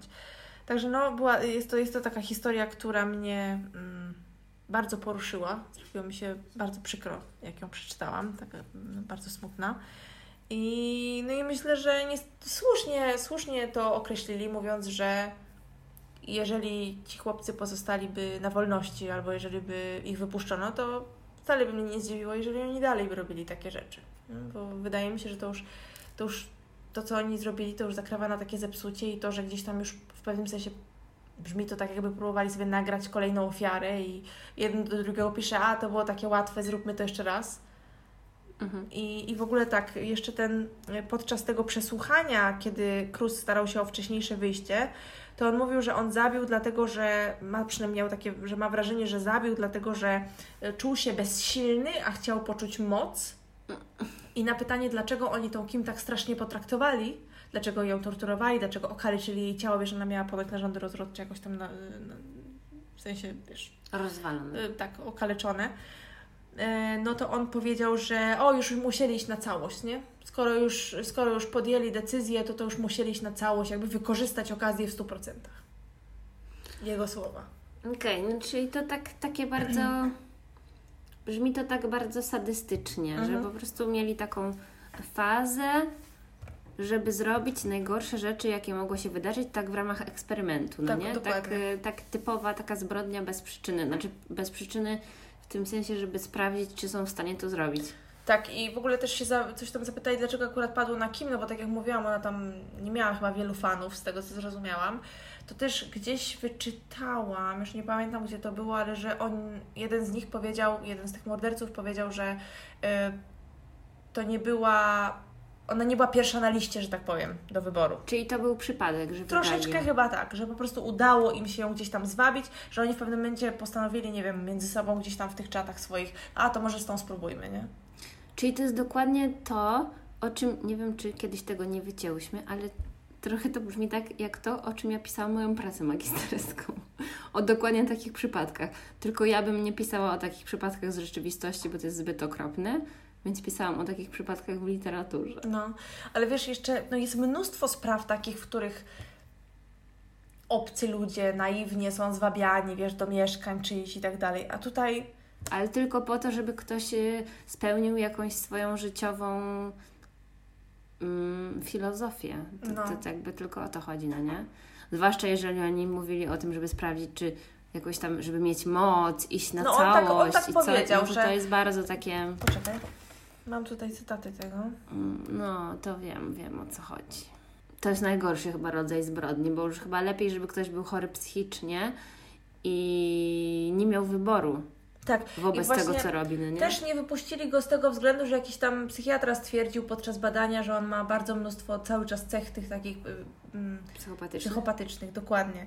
Tam babcia oczywiście się jej wypowiadała, że myśli codziennie, wiesz, płacze, coś. Nie, no po prostu koszmar, naprawdę koszmar, muszę powiedzieć. I on powiedział tak, dokładnie, No w sumie, bo że oni mieli w zasadzie listę, jak on to powiedział, że oni będą, wiesz, check boxes, nie? Czyli takie tiki sobie stawiać e, na liście rzeczy, które, które jakby chcieli jej zrobić i że postanowili jakby... nie mów mi, że zrobili arkusz w Excelu. No chyba nie, no aż tak nie, ale jakby tak to, taką, to metafora chyba miała być, że oni, wiesz, postanowili, y, żeby to było warte tego czasu, który poświęcili na to wszystko, nie? Że skoro już to zrobili, no to, no to już jakby będą iść na całość i jakby chyba to dodawało jakiejś pikanterii dla nich y, temu wszystkiemu, że oni mogli, wiesz, już po prostu ekstremalnie te wszystkie tabu, y, które gdzieś tam podziwiali w internecie wcześniej, na tych dziwnych stronach pornograficznych, przeżyć samemu. I że twierdził, że nie miał żadnego celu w życiu, że jakoś tam No, czuł no. pustkę, prawda? I że właśnie potem powiedział, że wydaje mu się, że po prostu czuł się bezsilny, a chciał poczuć jakąś tam y, moc. No, no to tak, No. to, to, to, to można by było przekuć na jakieś literackie opowiadanie w stylu Gombrowicza. Ale no po prostu zrobiło mi się tak smutno, bo w sumie biedna dziewczynka, prześladowana całe życie, potem ma chłopaka, który ją rzuca, potem zaprzyjaźnia się z jakimiś tam innymi chłopakami, którzy w sumie chyba nie zawsze są dla niej jacyś specjalnie mili, a na koniec po prostu no, tak straszna Nie, śmierć, problem, wiesz. problem chyba w tym jest w tej całej sprawie, że ona była idealną ofiarą, bo miała taki charakter, pewnie też potrzebowała jakiegoś tam, jakiejś uwagi ze strony Na pewno. kolegów. A która nastolatka nie potrzebuje, No, nie? więc dała się zwabić i to Mhm. też jest, znaczy nie mówię, że to jest jej wina, no ale jakoś tam się do tego przyczyniła, Wiesz, że no, też tyle, tyle wiesz, dokonała takiego wyboru. No tak jak ty czy ja, ja idę do Ciebie do domu, nie spodziewam się, że mnie, wiesz, przywitasz nożem, nie, w plecy, jakby, Jasne. no to jest... E... Problem tylko pojawia się w tym momencie, kiedy się pomyśli, ile oni mieli wszyscy lat. Tak. To za wcześnie Tak. po prostu na takie rzeczy. No szokujące. No i można oczywiście tłumaczyć, ten miał ojca mordercy. Aha, w ogóle zapomniałam jeszcze powiedzieć o jednej pewnej kwestii, że policja nagrała rozmowy e, Cruza ze swoją matką, znaczy sensie z jego matką, nie z policji matką. Em, I Aha, i ponoć on w tej rozmowie właśnie z matką e, wyzywał ją od idiotek. E, Ona się go zapytała, czy on nie czuje się, dlaczego on nie wyraża żadnej skruchy e, w związku z tym, co zrobił i tak dalej, że dos, dos, wiesz, taki ból sprawił tej, tej rodzinie jej i tak dalej. Mm, Natomiast e, on powiedział, że on sprawdzał, to znaczy empatia i w ogóle gówno go obchodzi, co tam inni sobie o nim myślą, o tym, co on robi. No ale czego by się spodziewać? Tak, i ona powiedziała, że zastanawia się tam podczas tej rozmowy, ona na głos się niby zastanawiała, czy on nie odziedziczył jednak tych jakichś psychopatycznych y, cech po swoim ojcu. Wiem. Ale to nie jest genetyczne. no, no wiadomo, a on powiedział, że to jest Twoja wina, bo Ty mnie urodziłaś. To jest kwestia wychowania, to na pewno. No i on potem powiedział, że mm, y, ona mu powiedziała, że on już nie będzie mógł u niej mieszkać, bo ona by się nie czuła z nim bezpiecznie, nawet jeżeli go kiedykolwiek wy, wypuszczą. A on powiedział, znowu tam ją wyzwał od idiotek i powiedział, że nic nie osiągnęła w życiu i że mm, jakby miała nie być bezpieczna, to już dawno by nie żyła. Także taka to była rozmowa i to było I to jest E, koleś, który ma lat 16? Wtedy miał chyba 17, jak został skazany, bo to było w tym okresie, kiedy on był w więzieniu, bo on niby powodem tego telefonu do matki było to, że on chciał, żeby ona napisała do jakiejś jego dziewczyny. I ona, i ona chociaż w tym artykule, w którym właśnie o tym pisali, cytowali tą ich rozmowę, było wspomniane to, że y, on miał sądowy zakaz kontaktowania się z tą dziewczyną.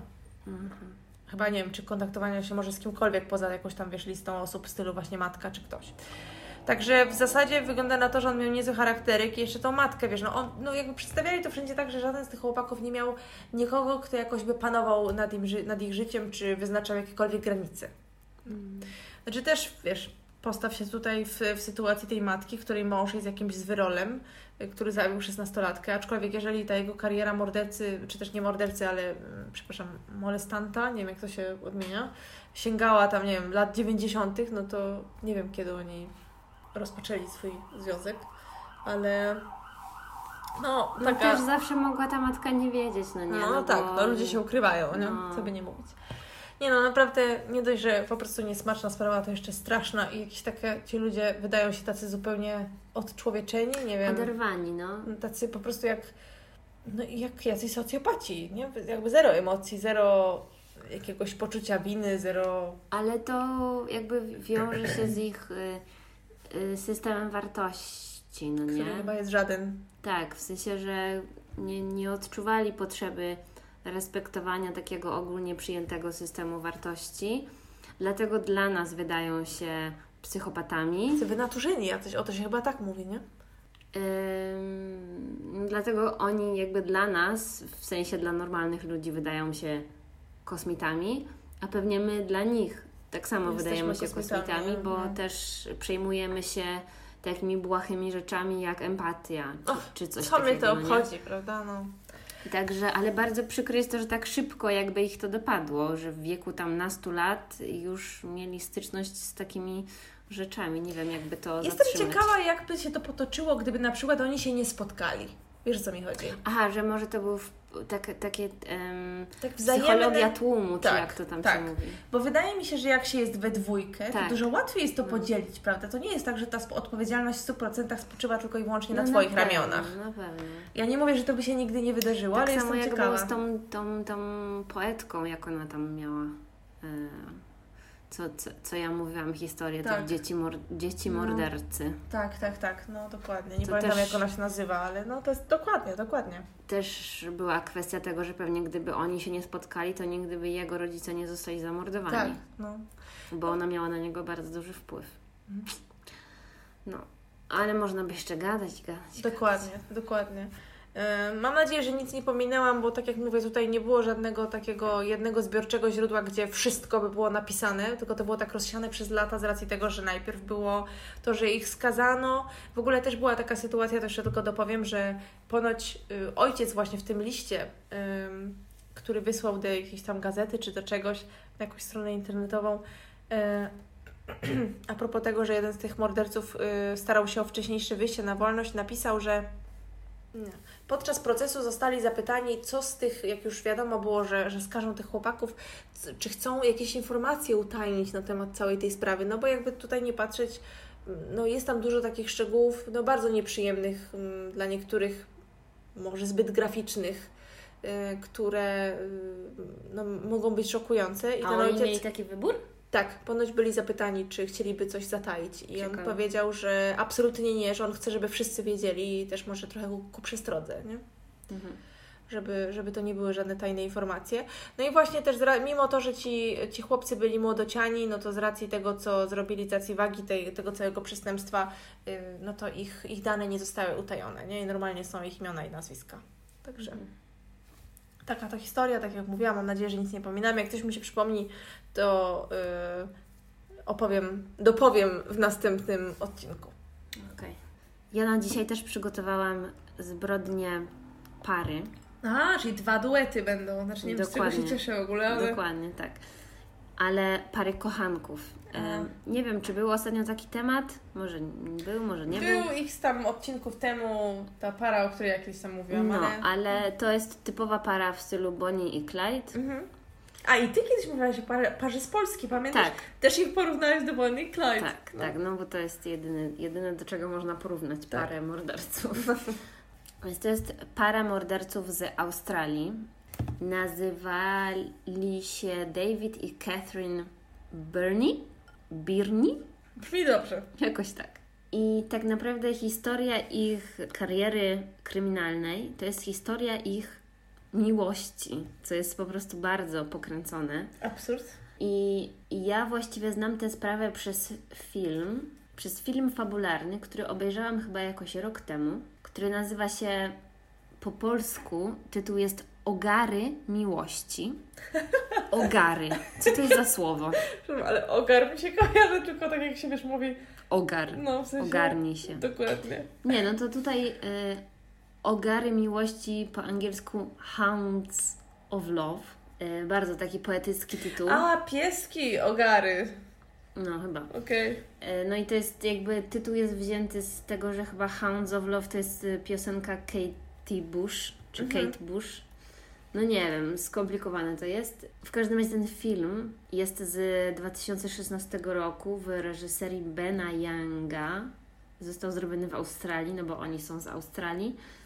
I jest bardzo, bardzo taki niepokojący. No nie wiem, nie można tego filmu obejrzeć sobie w piątek wieczór w ramach rozrywki, no nie? To Mhm. nie, nie, zupełnie nie to. To jest taki film, który jak obejrzysz, to mi się wydaje, że Ty byś tego filmu nie była w stanie obejrzeć, bo Ty zawsze mówisz, że nie lubisz strasznych filmów i w ogóle, a on jest taki bardzo graficzny, bardzo taki, że wszystkie ich jakby zbrodnie są tam pokazane jeszcze tak, wiesz, podkręcone. W każdym razie tam należy zwrócić uwagę na to, że tą y, Catherine gra babeczka, która nazywa się Emma Booth i ona jest w tym filmie naprawdę bardzo dobra, taka, że no, jej twarz wyraża bardzo dużo emocji, naprawdę. Więc dla jej gry aktorskiej tutaj e, przyklaskuję. David i Catherine poznali się, jak byli dziećmi, Mhm. więc tak naprawdę No, wiesz, zakochali-. Zakochali się sobie od pierwszego wejrzenia w wieku tam 12 lat. Cute. Oni obydwoje mieszkali w okolicy miasta Perth Mhm. w Australii y, i tam właśnie się poznali. I obydwoje również pochodzili z takich bardzo no, trudnych rodzin, powiedzmy, bo y, David, u niego w rodzinie był po- problem alkoholizmu i też ym, molestowania, wiesz, w rodzinie i tak dalej, i naprawdę miał jakby trudne warunki do dorastania. A jeżeli chodzi o Catherine, to ona, jak miała dwa latka, to jej matka urodziła syna, ale zaraz po porodzie matka zmarła i ten syn też zmarł, No. więc ona została z ojcem. I ten ojciec y, nie, nie był w stanie sobie poradzić z dwuletnią dziewczynką, więc odesłał ją do dziadków.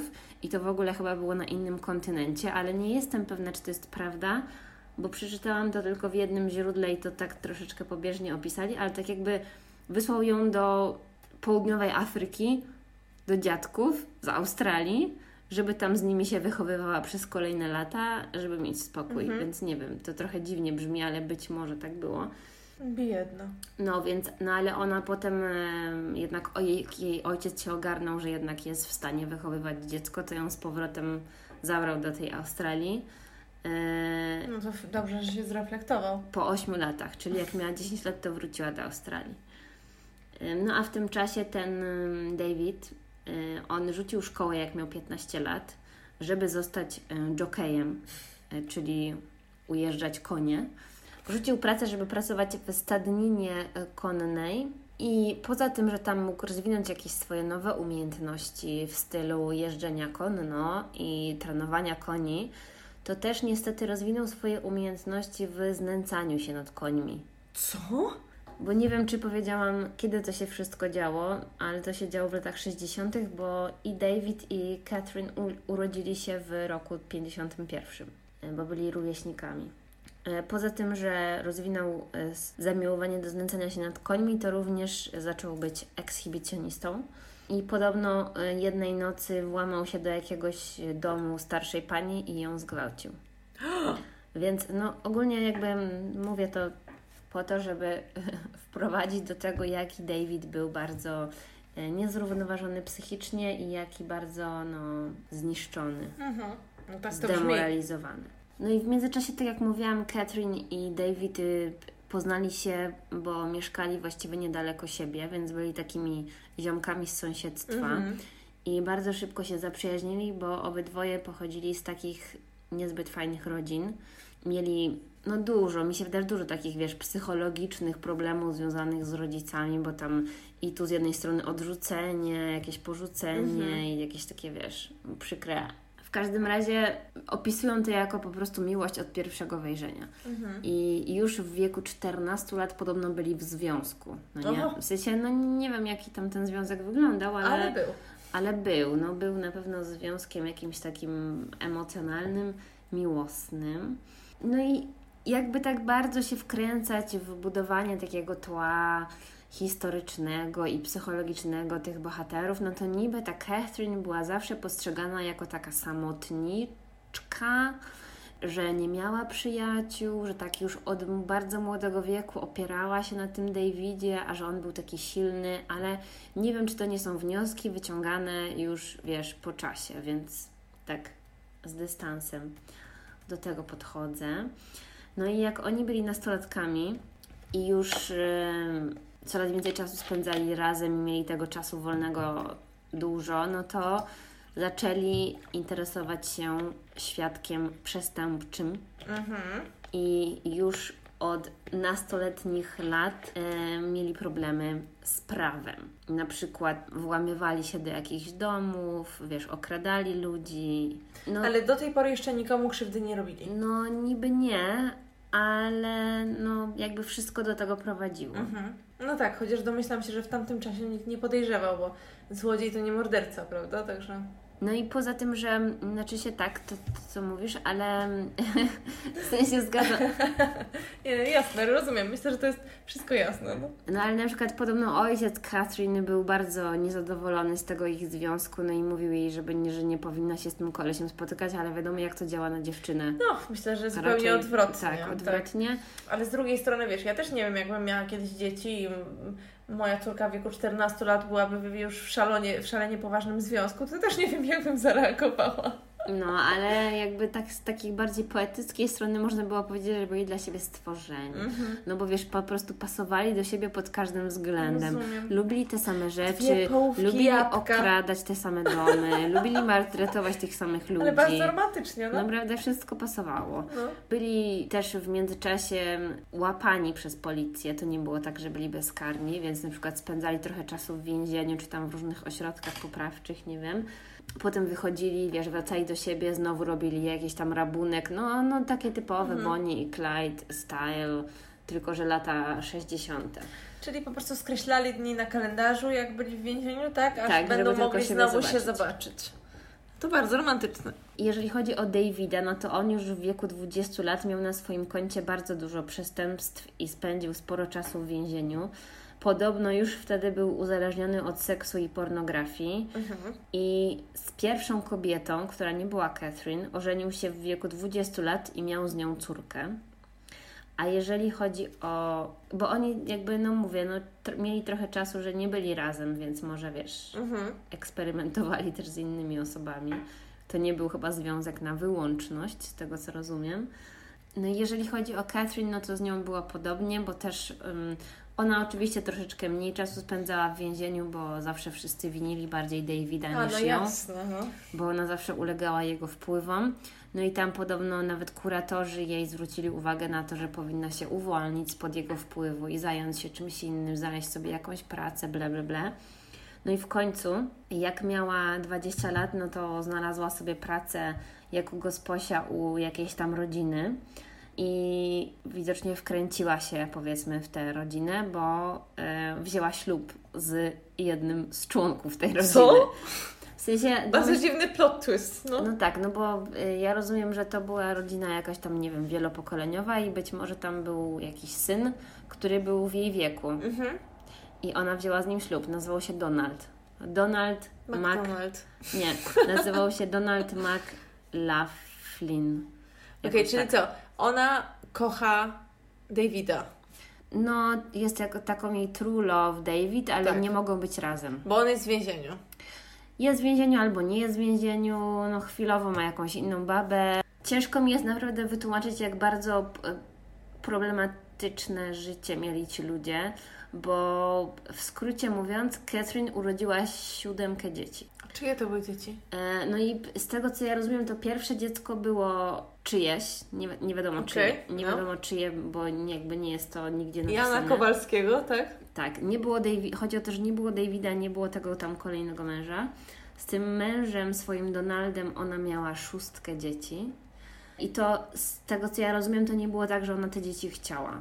Po prostu było tak, że chyba, nie wiem, ona nie... Nie, Nie, nie, znała antykoncepcji. nie wiedzieli, co to jest antykoncepcja. Albo może Donald nie uznawał, wiesz. W tamtych czasach to, co mąż mówił, to chyba ważne było, nie? Mhm. No i podobno właśnie w międzyczasie, kiedy ona była z tym swoim Donaldem, mężem, to w dalszym ciągu utrzymywała kontakt z Davidem i w dalszym ciągu brała udział razem z nim w jakieś tam kryminalne zabawy. Ale ja Davidowi nie wybaczę, bo rozumiem, że oni nie mogli być razem, dlatego że on się poszedł puszczać, tak? No właśnie ciężko mi powiedzieć, bo ja nie wiem dokładnie jak to... Nie było cię tam siłą rzeczy, nie, no. nie, nie było mnie tam, po prostu ich drogi się krzyżowały i rozchodziły. I No tak, krzyżowały byli w i różnych czasach, rozchodziły. w sensie na różne okresy byli w więzieniach, no to... No więc Ale wiesz, to nie przykład no. może on był dłużej w więzieniu, to ona wyszła i znalazła sobie innego typa. Potem on wyszedł, no to ona chciała być z nim. Ale na przykład ona nie mogła być z nim, bo była z powrotem ze swoim mężem, więc No. on sobie w tym czasie znalazł nową babę. Wiesz, no, Rozumiem. Znaczy nie to, po że... prostu nie byli na wyłączność. Ewi- ewi- ewidentnie to nie jest raczej szczęśliwy związek yy, i tak dalej, ale po prostu, wiesz, jak słyszę taką historię, że byli, wiesz, dla siebie tą prawdziwą miłością od pierwszego wejrzenia, to aż mi Ale się jakby przykro to robi. jest dopiero początek ich historii. O Boże, no. No w każdym razie wydaje mi się, że w międzyczasie, kiedy ona rodziła te nowe dzieci swojemu mężowi Donaldowi, to cały czas bawiła się z Davidem w obrabowywanie jakichś tam domów w okolicy No. albo atakowanie jakichś starszych pań. Nie wiem, oni mieli bardzo dziwne zabawy. Ale jakby jej związek z tym Donaldem, poza tym, że ona cały czas rodziła te dzieci, ona miała 21 lat, jak wyszła za niego, czyli to było w roku 72. Aha, przepraszam, zapomniałam powiedzieć bardzo ważnej rzeczy, że po tym jak Catherine w roku 72 urodziła pierwsze dziecko Donalda, Mhm. to dziecko zginęło e, 7 miesięcy po urodzeniu. Ale w tajemniczych okolicznościach? Nie, zostało, nie wiem jak to powiedzieć ładniej, przejechane przez samochód. Nie wiem jak. Bo jak siedmiomiesięczne dziecko może wpaść pod samochód? No raczej nie wyszło samo na jezdnię. Może w wózku? Ale wiesz, tak w sumie myślę, że jak na to, jakie to były lata, bo to były 70., tak? No to w sumie ten Donald nie mógł być taki zły, że pozwolił jej to pierwsze dziecko ze sobą mieć, nie? W artykułach, które czytałam, było napisane, że to dziecko zostało dosłownie zmiażdżone przez samochód na oczach matki. Aż mnie ciary przeszły. No. I to jakby w późniejszej historii też to jakoś tam się po, po, pojawia, że to mm, wywarło na nią, bo ona miała wtedy jakieś tam ile, 20 parę lat? No młoda 22? dziewczyna, no. 20, d- 22 lata chyba wtedy miała. I to niby miało na nią taki wielki wpływ, że to jej po prostu zniszczyło psychikę, że widziała, jak jej dziecko umiera. Ale no, nie wytłumaczyli, nie wiem, może ktoś wie, ale ja nie wiem. Nie wytłumaczyli nigdzie, w jaki sposób to dziecko się pod tym samochodem znalazło. No bo co, ona upadło na ziemię samochód, w sensie, no wiesz, no dziecko siedmiomiesięczne nie chodzi o własnych siłach. No więc nie, raczej rzadko kiedy chodzi po jezdni No. siedmiomiesięczne dziecko, z tego co wiem o dzieciach. Także no, przy, przykro mi, ale nie wiem. No ale w sumie chodziło. nic dziwnego, że, że mówią, że ją to gdzieś mocno dotknęło, bo wydaje mi się, że jest to sytuacja, z której nie da się wyjść bez szwanku. Jak na Twoich Tak, oczach przejeżdża no. ktoś Ci dziecko. Nie? No To jest... E, Tak, no i ogólnie całe to małżeństwo, mimo to, że cały czas rodziła te nowe dzieci i rodziła i rodziła i rodziła, no to e, nie było zbyt dobre, bo oni żyli w biedzie i poza tym, że żyli e, wszyscy razem z tymi dziećmi, z tym mężem, to jeszcze żyli z rodziną tego męża. No i ogólnie to podobno ten ich cały dom wyglądał tak trochę jak chlew i za bardzo nie mieli na nic pieniędzy, więc żyli w bardzo e, kiepskich warunkach. Że podobno w tym ich domu nie było w ogóle nigdy pieniędzy na jedzenie, nie było pieniędzy na dzieci, był syf, nie dogadywała się z mężem, no i wiadomo co w tym czasie robiła. Myślała o Davidzie. No tak, jak nie robiła dzieci z mężem, to myślała o Davidzie. No pięknie. Albo była w ciąży. Więc wyobraź sobie, że cztery tygodnie po urodzeniu siódmego dziecka porzuciła swojego męża, Catherine, i zaczęła mieszkać z Davidem. Ponieważ David przybiegł po nią, żeby ją uratować do szpitala, bo ona cztery tygodnie po urodzeniu dziecka miała zabieg. On się chyba nazywa jakoś bardziej profesjonalnie, ale ja nie mam tej nazwy napisanej. To był zabieg wycinania macicy. Mhm. Czyli po prostu już nie chciała mieć nigdy więcej dzieci. Aha, ale to było z własnej woli, tak? E, tak, mm, no ja tak wnioskuję chyba. No bo ile można mieć dzieci, no? Nie no, pytam tak z ciekawości, no bo wiem też, że chyba są, mogą być Może, no aha, rozumiem, mogły być jakieś powikłania, na tak? przykład, nie? Ale nie wiem, wydaje mi się, że w jej historii mogło być dlatego, że ona po prostu już więcej nie chciała mieć dzieci i w końcu jakiś lekarz ją posłuchał. Czyli co, czyli ona... Bo to było lata 70. Mhm. Czyli co, ona uciekła do Davida i dzieci zostawiła z mężem Donaldem? Tak, tak. No to tak średnio Bo ona tych dzieci nie miała ze sobą, ona je zostawiła za, No, za daleko, daleko za sobą. No. Średnio nie świadczy jako o matce, nie? E, No i po, poza tym, że zostawiła te dzieci i wprowadziła się do Davida, to jeszcze nie, oni nie mogli wziąć ślubu, bo ona nie rozstała się z tym poprzednim mężem, więc ona zmieniła nazwisko, Mhm. żeby pasowało do nazwiska Davida. Więc po prostu legalnie sobie zmieniła nazwisko na Birnie, Mhm. Bernie i wtedy już e, pasowali do siebie nazwiskiem i swoim umysłem. Teraz e, przenosimy się do roku 86, ponieważ w tym roku e, odnaleźli swoją pierwszą ofiarę. Ale, aha, zanim do tego dojdziemy, to muszę przedstawić, że ich związek, oczywiście, jak możecie się wszyscy domyślić, opierał się bardzo na seksualności. Mhm. I z jakiejś tam rela- relacji świadków, czyli na przykład kuzyna Davida, który przez chwilę musiał z nimi mieszkać, bo nie miał gdzie mieszkać i coś tam, on opowiadał, że podobno David musiał uprawiać seks pięć razy dziennie, bo miał taką potrzebę i no jakby to było dla niego najważniejsze, no nie? Że on był taki bardzo sfiksowany na przemoc, seks, pornografię, no Mhm. takie typ, typowe rzeczy, które są związane z takimi psychopatycznymi osobowościami. No to rozumiem, czemu sobie znajdował babę co 5 sekund, jak tylko nie było jej obok. No, no, no, no właśnie, w sumie Mhm. to wyjaśnia. I że podobno już nawet dochodziło do tego, że on sobie robił zastrzyki. Ten kuzyn powiedział, że widział, jak David robi sobie zastrzyki z czegoś takiego, co nazwał hypodermik, i to sprawia, że drętwieje ci część ciała. Mhm. I on robił sobie zastrzyki z tej substancji w penisa, żeby go odrętwić, nie wiem Mhm. jak to tam się mówi, e, znieczulić po prostu Mhm. chyba, no nie? Żeby znieczulić i żeby mógł chyba uprawiać seks tyle razy, ile ma ochotę. Żeby mu, zeszty- żeby mu zesztywniał w sensie? No, znaczy nie wiem, czy to działało tak samo jak Viagra, bo to chyba nie o to chodzi, żeby miał wzwód, tylko żeby nie miał, nie, nie czuł bólu? Nie, nie wiem, nie rozumiem. Matko święta, bardzo skomplikowane. To jakiś urolog chyba tutaj powinien No. się wypowiedzieć, bo to... E, No, że chodziło o to, żeby właśnie sobie znieczulił penisa i potem mógł uprawiać seks tak dużo razy, ile chciał. Mhm. I że zawsze miał jakąś kobietę, która mogła mu Pomóc. pomóc w tym, tak. No i tak, ja nie wiem dokładnie, kiedy oni zaczęli być tak oficjalnie razem już po tych wszystkich dzieciach Catherine, ale wydaje mi się, że to było co najmniej 10 lat, więc w jakimś tam artykule tak hamsko powiedzieli, że Catherine i David, jeżeli chodzi o ich życie seksualne, to do roku 86 wypróbowali już wszystko. I to spowodowało, że byli trochę znudzeni i dlatego zaczęli szukać nowych metod na pobudzenie swojego życia seksualnego. Czyli potrzebowali bodźców, tak? Bodźców zewnętrznych, Mhm. dokładnie. Dlatego też wpadli na pomysł, no ciężko powiedzieć, jak to tam ich, w ich umysłach się to zrodziło, ale biorąc pod uwagę, że David miał już historię maltretowania zwierząt, gwałtów i innych różnych przestępstw, no to nie jest to zbyt No zaskakujące. właśnie. A że z kolei Catherine była w niego tak wpatrzona, no to też nie zaskakujące, że poszła za nim razem z tym pomysłem. Postanowili po prostu polować na dziewczyny, zwabiać, A, na dziewczyny. tak, zwabiać je do siebie do domu i zabijać. No i pierwszą ich ofiarą w roku 86 była 22-letnia studentka o imieniu Mary. I ona została zwabiona do nich przez przypadek, bo tak naprawdę sama zgłosiła się do Davida, bo David pracował jako jakiś tam mechanik samochodowy pracował w jakimś tam garażu, wiesz, w jakimś tam zakładzie, jak to się mówi. I ona chciała kupić opony.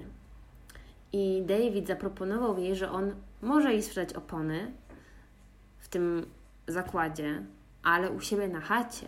To on, ma, on ma tańsze opony. ma, no pewnie. Więc żeby, a że ona była studentką i nie miała kasy, no to wiadomo, że wolała pójść po te tańsze opony. Więc ona z własnej woli dała jemu swój numer telefonu i w ogóle wszystko, wszystkie dane kontaktowe. Umówili się, że po prostu ona przyjedzie do niego do domu któregoś tam dnia, żeby te opony kupić. Więc ona pracowała gdzieś tam w jakiejś kawiarni, czy nie wiem, no i po skończeniu zmiany w drodze na studia y, zatrzymała się właśnie w ich domu, żeby odebrać te opony i pójść sobie dalej na zajęcia. No ale oczywiście na te zajęcia nie trafiła, bo została zaatakowana przez parę morderców. No i co oni zrobili, jak ona do nich przyszła? No od razu wyciągnęli nóż, zaczęli jej tym nożem grozić, zakneblowali ją oczywiście i związali ją na łóżku oczywiście, żeby była już, wiesz, Przygotowana. gotowa. Tak naprawdę to chyba ją nawet jakimś łańcuchem do tego łóżka przy, przykuli. Kiedy Catherine stała z boku i patrzyła, no to David gwałcił dziewczynę. I podobno Catherine zagadywała Davida, zadawała mu jakieś takie, wiesz, erotyczne pytania w stylu tam, nie wiem, co cię podnieca i tak dalej. Mhm. Też doty- dotykała go w międzyczasie, tak jakby chciała brać udział w tym, no nie? Uczestniczyć, tak. Tak, Y, że- Czyli rozumiem, że w ich głowie to był trójkąt. Tak, tak, dokładnie. Mhm. Jakby, że to, to że oni maltretowali tę te, tą dziewczynę, to był jakby taki wysiłek zbiorowy i to w tym filmie jest bardzo mocno podkreślone i widać, że tak naprawdę, no powiedzmy, że ten David gwałci dziewczynę, ale obydwoje na przykład torturują też tę dziewczynę, że ona wiesz, jest związana, jest bita. To nie chodziło o to, że David ją po prostu gwałcił i koniec. Catherine też miała w tym bardzo duży udział i jakby głównie chodzi o to, że ją to też bardzo ekscytowało całe to Zastanawiam zdarzenie. się, czy na przykład y, część z tej agresji w stosunku do tych kobiet na przykład nie wynikała, to taka luźna myśl oczywiście, ale nie wynikała chociażby z tego, że nie wiem, ona na przykład nie była wystarczająca dla niego, No, czy że on miał taką potrzebę, prawda? I No. stąd ta jej agresja w stosunku do tych kobiet i ta chęć y, krzywdy. Żeby... nie no zdecydowanie, no bo jakby nie wiem jaka normalna kobieta, przepraszam, nie no normalna, nie wiem dlaczego kobieta miałaby się godzić na to, żeby jej partner sobie jakby Gwałcił. gwałcił inną kobietę na jej oczach. Jaki, jaki, jak, jakby, jaki to miałoby mieć cel? No Jaki tak, bo to nie jest tak, że trzy osoby się godzą na daną sytuację, tylko jest dwójka plus y, osoba, która kompletnie. I ofiara. Tak, no dokładnie, ofiara. Więc oni po prostu chcieli wspólnie tą swoją negatywną energię, którą przez tam lata kumulowali, no jakby wykorzystać na jakichś tam ofiarach do celów takich seksualnych. No bo jak już wcześniej tam im się zdarzało okradać jakieś domy czy coś, no to może chcieli po prostu więcej. A żeby i tak bardzo skupieni na swojej seksualności, że chyba ich związek polegał tylko na tym, że się ruchali, nie wiem, no ale tak rozumiem, no to dla, dlatego może chcieli się rozwijać w tym kierunku. Rozwi- pięknie Wiesz. to ubrałaś w słowa. No, nie, nie Rozwijać się w tym kierunku, no. Bardzo ładnie. Podobno właśnie z tego podjudzania Davida w trakcie gwałtu tej Mary wyszło, że jakby obydwoje chcą ją zabić. Mhm. Więc wymyślili sobie, że zabiorą ją do jakiegoś parku narodowego, który nazywa się Glen Eagles, więc jak zabrali jej ciało po prostu w miejsce takiego lasu, no park krajobrazowy, coś takiego w Australii pewnie tego jest bardzo dużo. E, Więc zabrali jej ciało, żeby tam je zakopać. No więc jak to ciało już tam na miejsce zakopania przywieźli, no to David znowu musiał ją zgwałcić. Już nie żywą? Może taką półżywą, Rozumiem. powiedzmy. Ledwo dyszącą już, tak? Tak, ledwo dyszącą. Więc on ją zgwałcił już na miejscu, a potem, żeby zabić tą kobietę, to udusił ją jakimś nylonowym sznurkiem i wbił jej nóż w serce. Więc jakby David dokonał takiego ostatecznego morderstwa, prawda? Yy, No i tam Ja nie chcę znowu zabrzmieć jak seksistka, ale to jednak brzmi wszystko tak, jakby to było z ręki w sensie nie z ręki, tylko z pomysłu Davida, to, to co, jakoś tak mi to bardziej do niego pasuje. Aczkolwiek rzeczywiście, no wiadomo, pewnie będę bardziej skłonna wybierać kobietę, niestety nie, zwłaszcza taką, która, której matka umarła, ojciec porzucił i w ogóle nie wiadomo co. Dziecko jej umarło. Tak, i dziecko jej umarło na jej oczach, zostało przejechane przez auto. W ogóle dalej jestem w szoku po tej informacji. No, a propos tego, no to Catherine też nie była bez winy, bo podobno ogólnie mogę już taki spoiler powiedzieć, że po latach od tej zbrodni, bo to jest chyba taka naj, naj, najsłynniejsza zbrodnia w Australii, znaczy zbrodnie w Australii, no więc dużo książek na ten temat powstało i ludzie na przykład robili z nimi wywiady już po latach. Mhm. No i przez wywiady z Catherine y, jakaś tam dziennikarka dowiedziała się, że to tak naprawdę Catherine była odpowiedzialna za to, żeby wybrać ofiarę. że oni. Widzisz. Tak, bo ich y, plan był taki, że oni wyruszali z domu samochodem po zmroku i jeździli sobie samochodem po okolicy. To trochę podobnie jak były, w mojej ostatniej historii. Tak, a że to były lata 70., 80., no właściwie 80. bardziej. No to jakby mm, hitchhiking, czyli łapanie stopa, było bardzo popularne, zwłaszcza w Australii, gdzie odległości są duże, tak. nie, nie masz jak się mhm. dostać z tam miejsca pomiędzy na miejsce. nie ma nic, prawda? E, więc ludzie, zwłaszcza dziewczyny, no jakoś tam, nie, nie, nikt się nie krępował w tamtym czasie, żeby po prostu wyciągnąć rękę, zatrzymać samochód.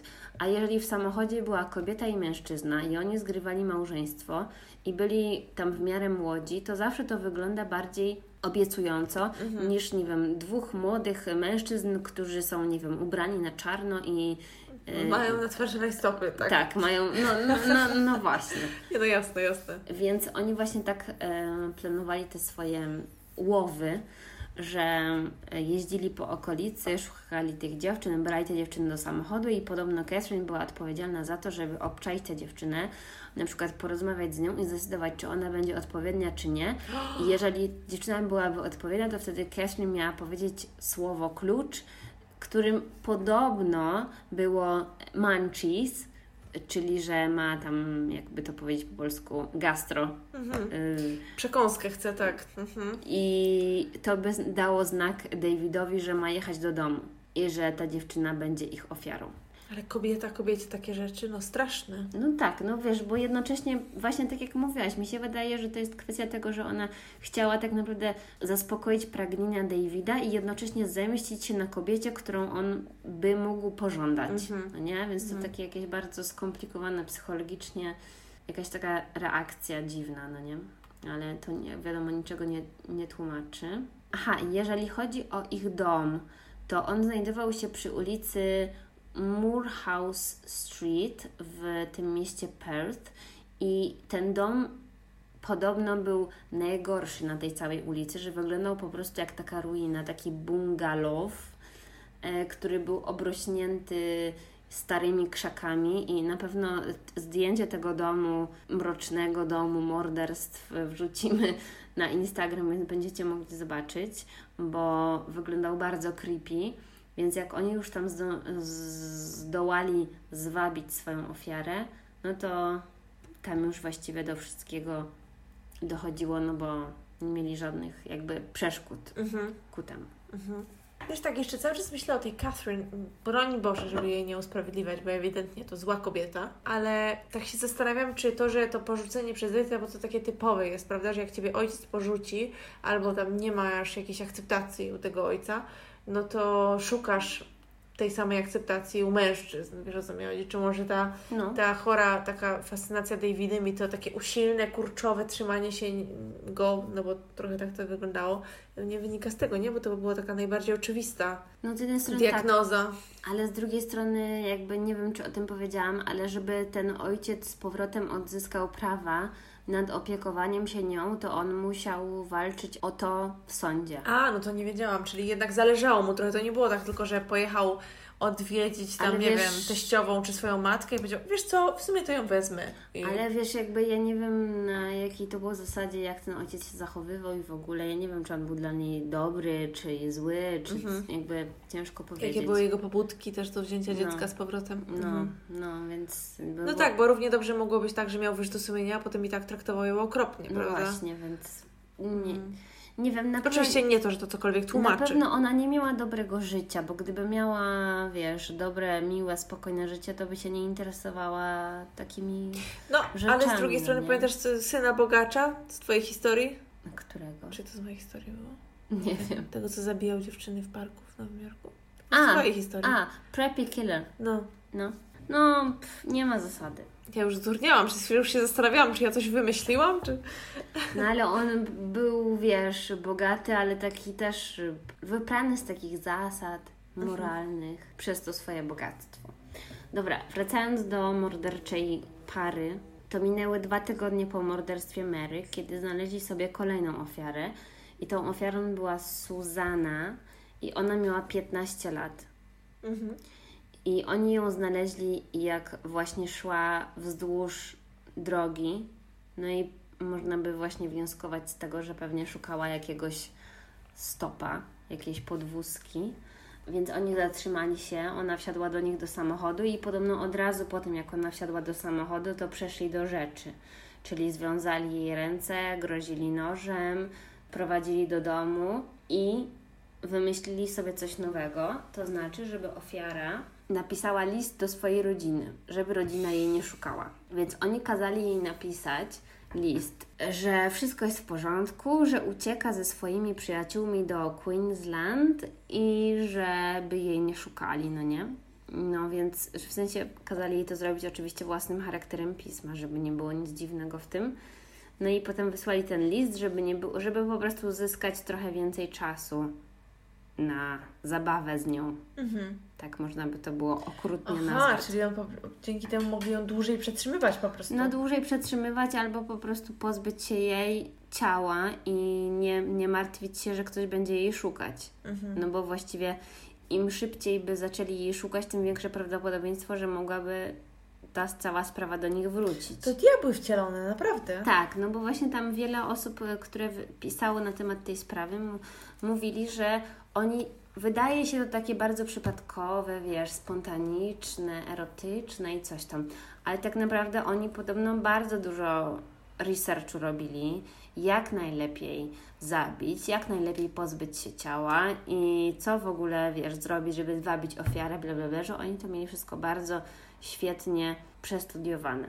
Jeżeli chodzi o tą ofiarę Suzanę, no to oni, podobnie jak poprzednią ofiarę, no David ją przywiązaną do łóżka gwałcił.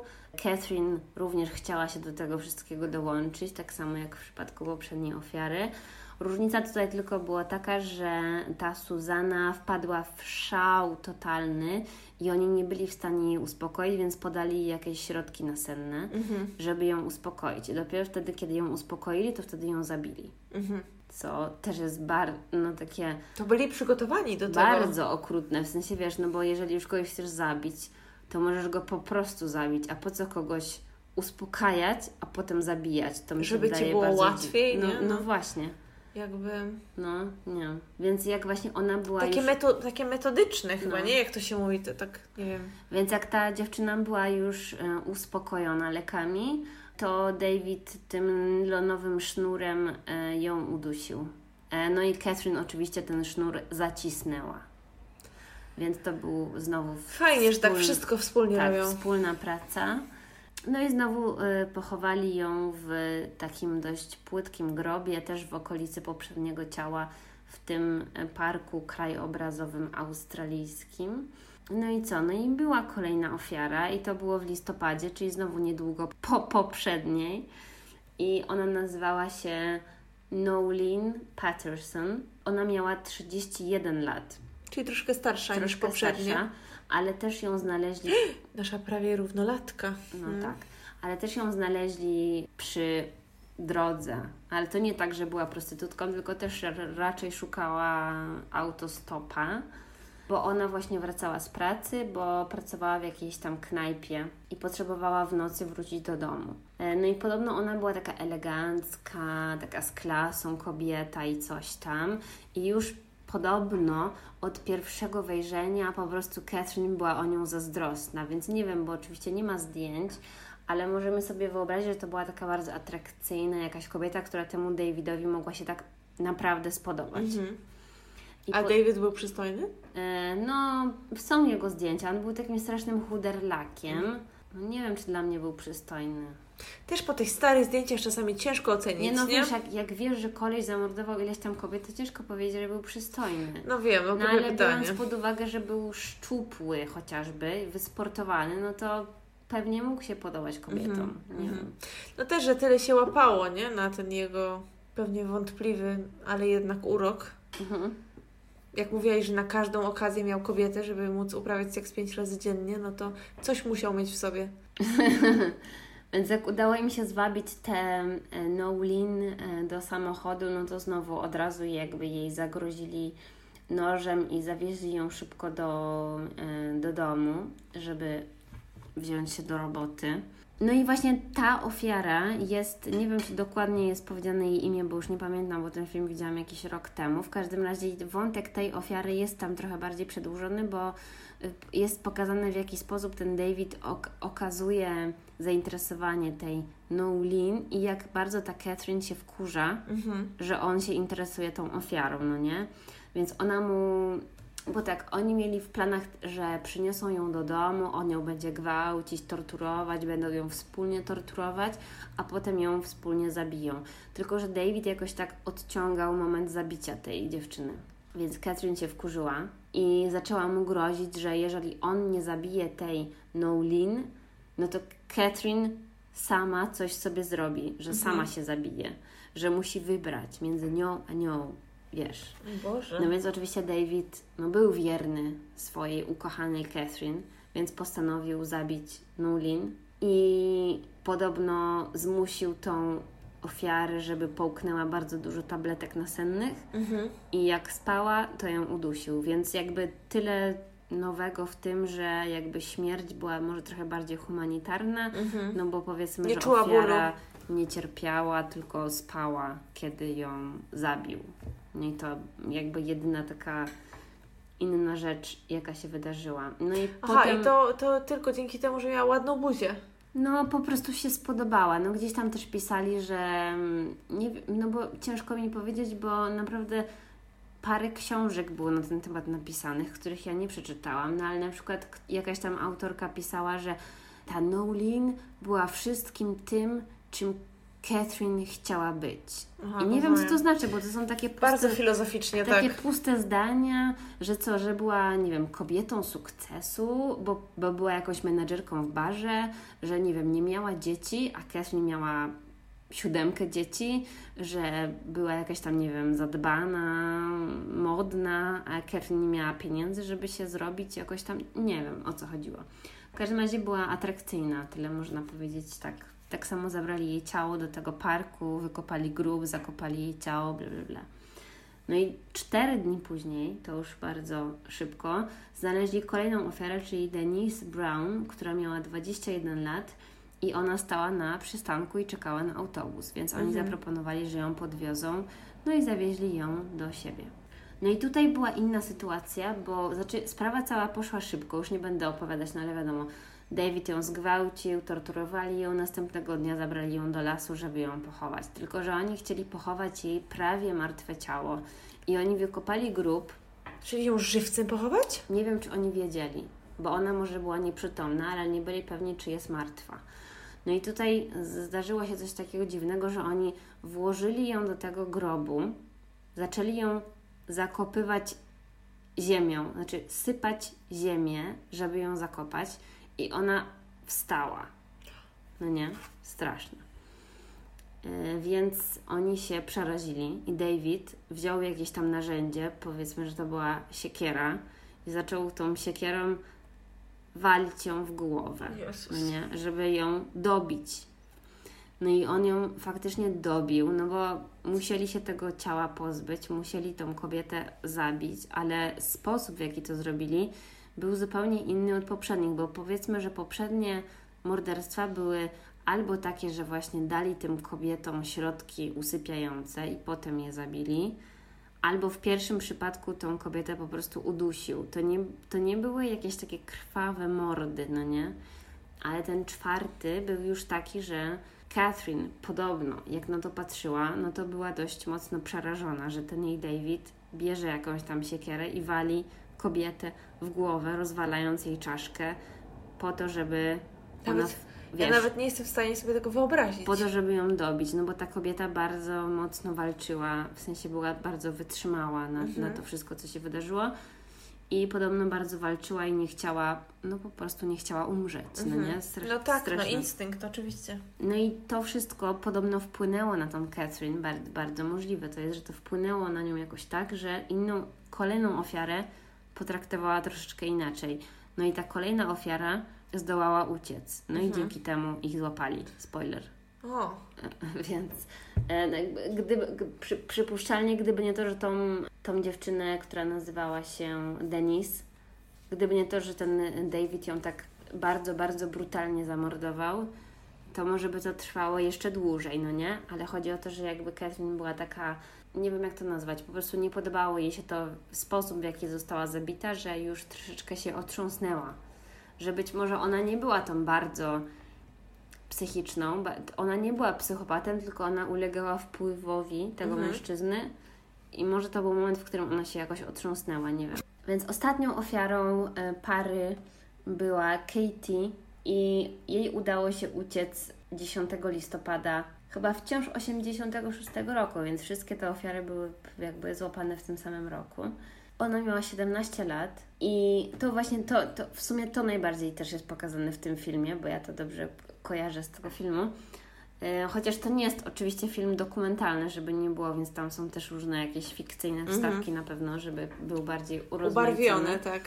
ale no to, to było, że ona faktycznie w, u, udało jej się uciec przez okno, ale to też dlatego, że ta Catherine podobno, bo jakby tak, oni więzili tą dziewczynę w domu przez kilka dni. No i wiadomo, że przez jakiś czas ten David ją gwałcił i tam, wiesz, torturowali ją i robili co chcieli z nią, ale też był czas, kiedy oni robili inne rzeczy. No i wtedy ta dziewczyna musiała albo być pilnowana, na przykład przez Catherine, albo spała pod wpływem jakichś tam leków, albo coś. Więc po prostu pojawił się podobno taki moment, w którym Catherine miała ją pilnować, ale sobie gdzieś poszła. I jakby no, sugerują różni ludzie, którzy o tym pisali, że ona to zrobiła świadomie, że po prostu y, poprzednia zbrodnia tak bardzo nią wstrząsnęła, że ona zaczęła wywoływać w sobie jakieś właśnie takie bardziej empatyczne uczucia. Wow, po takim czasie. No, brawo. brawo że y, zaczęło jej być szkoda tej dziewczyny i chciała ją jakoś ochronić. I być może właśnie, nie wiem, tam wiesz, odwiodła tego Davida od tego, żeby tam się nią zajmował w tym czasie. Wyszli sobie gdzieś i ta dziewczyna miała taką opcję, że była w łazience, no bo pozwalali im korzystać z toalety i po prostu przez okno w łazience uciekła. Mhm. No i jak uciekła, to wiesz, biegła, biegła, biegła, biegła, biegła przed siebie jak najprędzej i trafiła do jakiegoś supermarketu. I tam w tym supermarkecie, no wiesz, ona wyglądała strasznie. Mhm. Była pewnie w ogóle ledwo ubrana, była cała we krwi, w ogóle wyglądała strasznie. Rozumiem, no. Więc y, wszyscy się na pewno się jej wystraszyli. No i tam w tym supermarkecie wezwali policję. I ona była w stanie mniej więcej opisać, gdzie była, skąd uciekła i tak dalej. No bo jednak wiedziała, że to było jakieś tam para, małżeństwo Mhm. i... A zresztą policja w tamtym czasie, w tamtej okolicy też miała na swoim jakąś tam jakimś tam radarze to, że znikają dziewczyny, tylko Mhm. nie wiedzieli jeszcze kto dokładnie Tak, i bo jak. to był taki bardzo krótki czas, prawda? Tak, no bo to było dosłownie chyba tam, nie wiem, dwa miesiące, kiedy Mhm. to wszystko się wydarzyło. Więc oni jakby oczekiwali, że coś, że coś się wydarzy. No więc dzięki tej dziewczynie, która uciekła, policja z jej opowieści była w stanie zidentyfikować, czy tam odnaleźć ten dom, zidentyfikować sprawców, aresztowali Davida i Catherine i wszystko potem już było pięknie. Mhm. No. Bo nie wiem, już mi się chyba nie chce tego tak w szczegółach opowiadać. W każdym razie obydwoje zostali skazani osobno, oczywiście na dożywocie. Różnica jest taka, że David y, popełnił samobójstwo w więzieniu. O, No. To było w 2005 roku, czyli ile on tam wytrzymał? 20 lat w więzieniu? to długo i tak, no. To Niespełna. ja bym 20 tak już lat. pomyślała, że pewnie po tylu latach to się człowiek przyzwyczaja, nie? W sensie... Nie wiem, nie mam pojęcia. Znaczy nie wiem, nigdy nie byłam w więzieniu No. przez 20 lat, ale Nie mam pojęcia, co się tam z nim musiało dziać, ale może wiesz, no. Albo to do niego dotarło i miał poczucie winy, albo po prostu stwierdził, że to jest wszystko bez sensu. No nie wiem, ciężko stwierdzić. W każdym no razie. tak jak biedaczek w więzieniu nie mógł realizować swoich No, pasji na no, przykład. No, No, no, no. Ale jeżeli chodzi o Catherine, no to tu jest inna wersja, bo ona z kolei uważa po tym czasie, jaki odsiedziała w więzieniu, że ona już jest wyleczona z tego zła. Mhm. No bo jakby jestem pewna, że cała jej linia obrony idzie w tym kierunku, że ona ulegała wpływom Davida, Mhm. że ona była w nim zakochana, że on ją omotał, że coś tam. Więc tutaj bardzo łatwo jest powiedzieć, że jeżeli ona spędziła 20 lat bez niego, no to przez tam terapię i pracę nad sobą, czy coś tam, y, była w stanie się wyleczyć. Pewnie jeszcze pokochała Jezusa po drodze, tak? I, Tak, więc no. ona uważa, że jest wyleczona z tego zła i że jest gotowa wyjść na zewnątrz, dlatego, znaczy na zewnątrz, na wolność. Dlatego składa tam wnioski o warunkowe zwolnienia, ale mm, nie wiem jak to się wydarzyło, no bo tak naprawdę cały czas ta ostatnia ich ofiara, ta pani Kate, żyje, no nie? I, Mhm. i jest też na przykład artykuł, taki ostatni, który mi się pokazał, jest ze strony Marie Claire Mhm. australijskiej, który nazywa się I Escaped Australia's Worst Serial Killer Couple, więc oni zrobili z niej trochę celebrity, z tej Kate. No ale z drugiej strony jakby nie mam nic przeciwko, no bo, No nie, no jasne, no co to jest- komu szkodzi. no bo jest naprawdę bardzo jej się poszczęściło, że udało jej się e, jakby uciec od nich. No bo gdyby nie uciekła, no to na pewno już by nie żyła teraz i oni by nie zostali odnalezieni i tak dalej. Więc wydaje mi się, że dopóki ta ofiara żyje, to ona zawsze będzie mogła wnieść sprzeciw do zwolnienia warunkowego. No tak.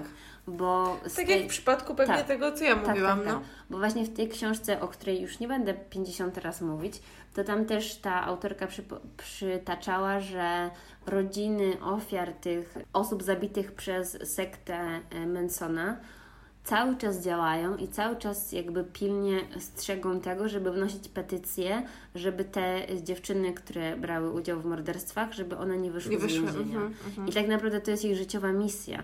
I co się dziwić ludziom. Y, I jeżeli zawsze na tych przesłuchaniach warunkowych, czy jak one się tam nazywają, masz osoby, które są przeciw i one pokażą, ile osób jest przeciw, no to tak naprawdę ta komisja nie może tej osoby zwolnić z więzienia. No bo, to może aż do buntu pewnie doprowadzić, nie? tak, Jeżeli, tak. Zwłaszcza jeśli chodzi o takie duże sprawy, które są tak szeroko znane, prawda? I ludzie mogą czuć się zagrożeni, może nastać panika na przykład. Tak, dlatego w jakimś tam wywiadzie takiej Kate, której udało się uciec, powiedziała, że jakby ma nadzieję, że ta Catherine na zawsze zostanie w więzieniu, więc prawdopodobnie właśnie ona ten przeciw, sprzeciw y, wnosi. E, No, więc no, no nie wiem, no materiałów na ich temat jest bardzo dużo, ale już nie będę więcej gadać, bo, no bo ten podcast trwa myślę maksymalnie półtorej godziny, a nie pięć godzin. Więc jakbyście chcieli sobie więcej poczytać, to tam pewnie podlinkujemy w opisie. No i co? No chciałam tylko zaznaczyć, że to tak brzmi jak taka typowa, mm, jak takie typowe zbrodnie właśnie pary, pary romantycznej o zabarwieniu erotycznym, że jakby no, Mhm. no, no, jest tu tak powiedziana cała historia, że ich to po prostu podniecało, że wspólnie Taka erotyczna mogą rozrywka. zabijać, no. Mhm. Straszne, no straszne. No, Ale z dziwne. drugiej strony też podobnie jak w tej Twojej historii, no oni nie pochodzili z takich trudnych środowisk, co poniekąd może ich usprawiedliwiać, ale oczywiście nie może. Mhm. Czyli gdzieś tam mogło, mogło te... Ale na pewno mieli spaczoną psychikę. No tak, a jeszcze będąc w takich warunkach pewnie to jest taka pożywka powiedzmy dla czyichś skłonności, prawda? Mhm. No to się dopasowałyśmy bardzo nieświadomie dzisiaj. Mam nadzieję, że odcinek Wam się podobał. Dwie dosyć długie historie myślę będą. Zobaczymy ile trzeba będzie z tego wyciąć, ale może coś zostanie. A tak dla Waszej ciekawości powiem, że na, na, na ten moment mamy surowego materiału 2 godziny 40 minut. To jest No. chyba rekord. To jest chyba rekord, tak. Ja najdłuższe, jak kiedy to Wam już mówiłam, dzisiaj wspominałyśmy, y, to było 2,15 albo 2,20. 2,40 chyba jeszcze nie było. No. No, nigdy chyba, to prawda. także fajnie. Ach, no Życzcie nam powodzenia. Tak, trzymajcie kciuki, bo y, edycja tego to będzie pewnie tortura, także i to nie dlatego, że y, musimy się słuchać tylko przez te wszystkie y, a, mm, które trzeba będzie wyciąć, także o, o, mlaskanie, tak, też y, pociąganie nosem, skrzypienie krzesła, jedzący pies, nie wiem, latający kot i tak dalej, no. Mhm. Także dziękujemy bardzo. No i do usłyszenia za tydzień.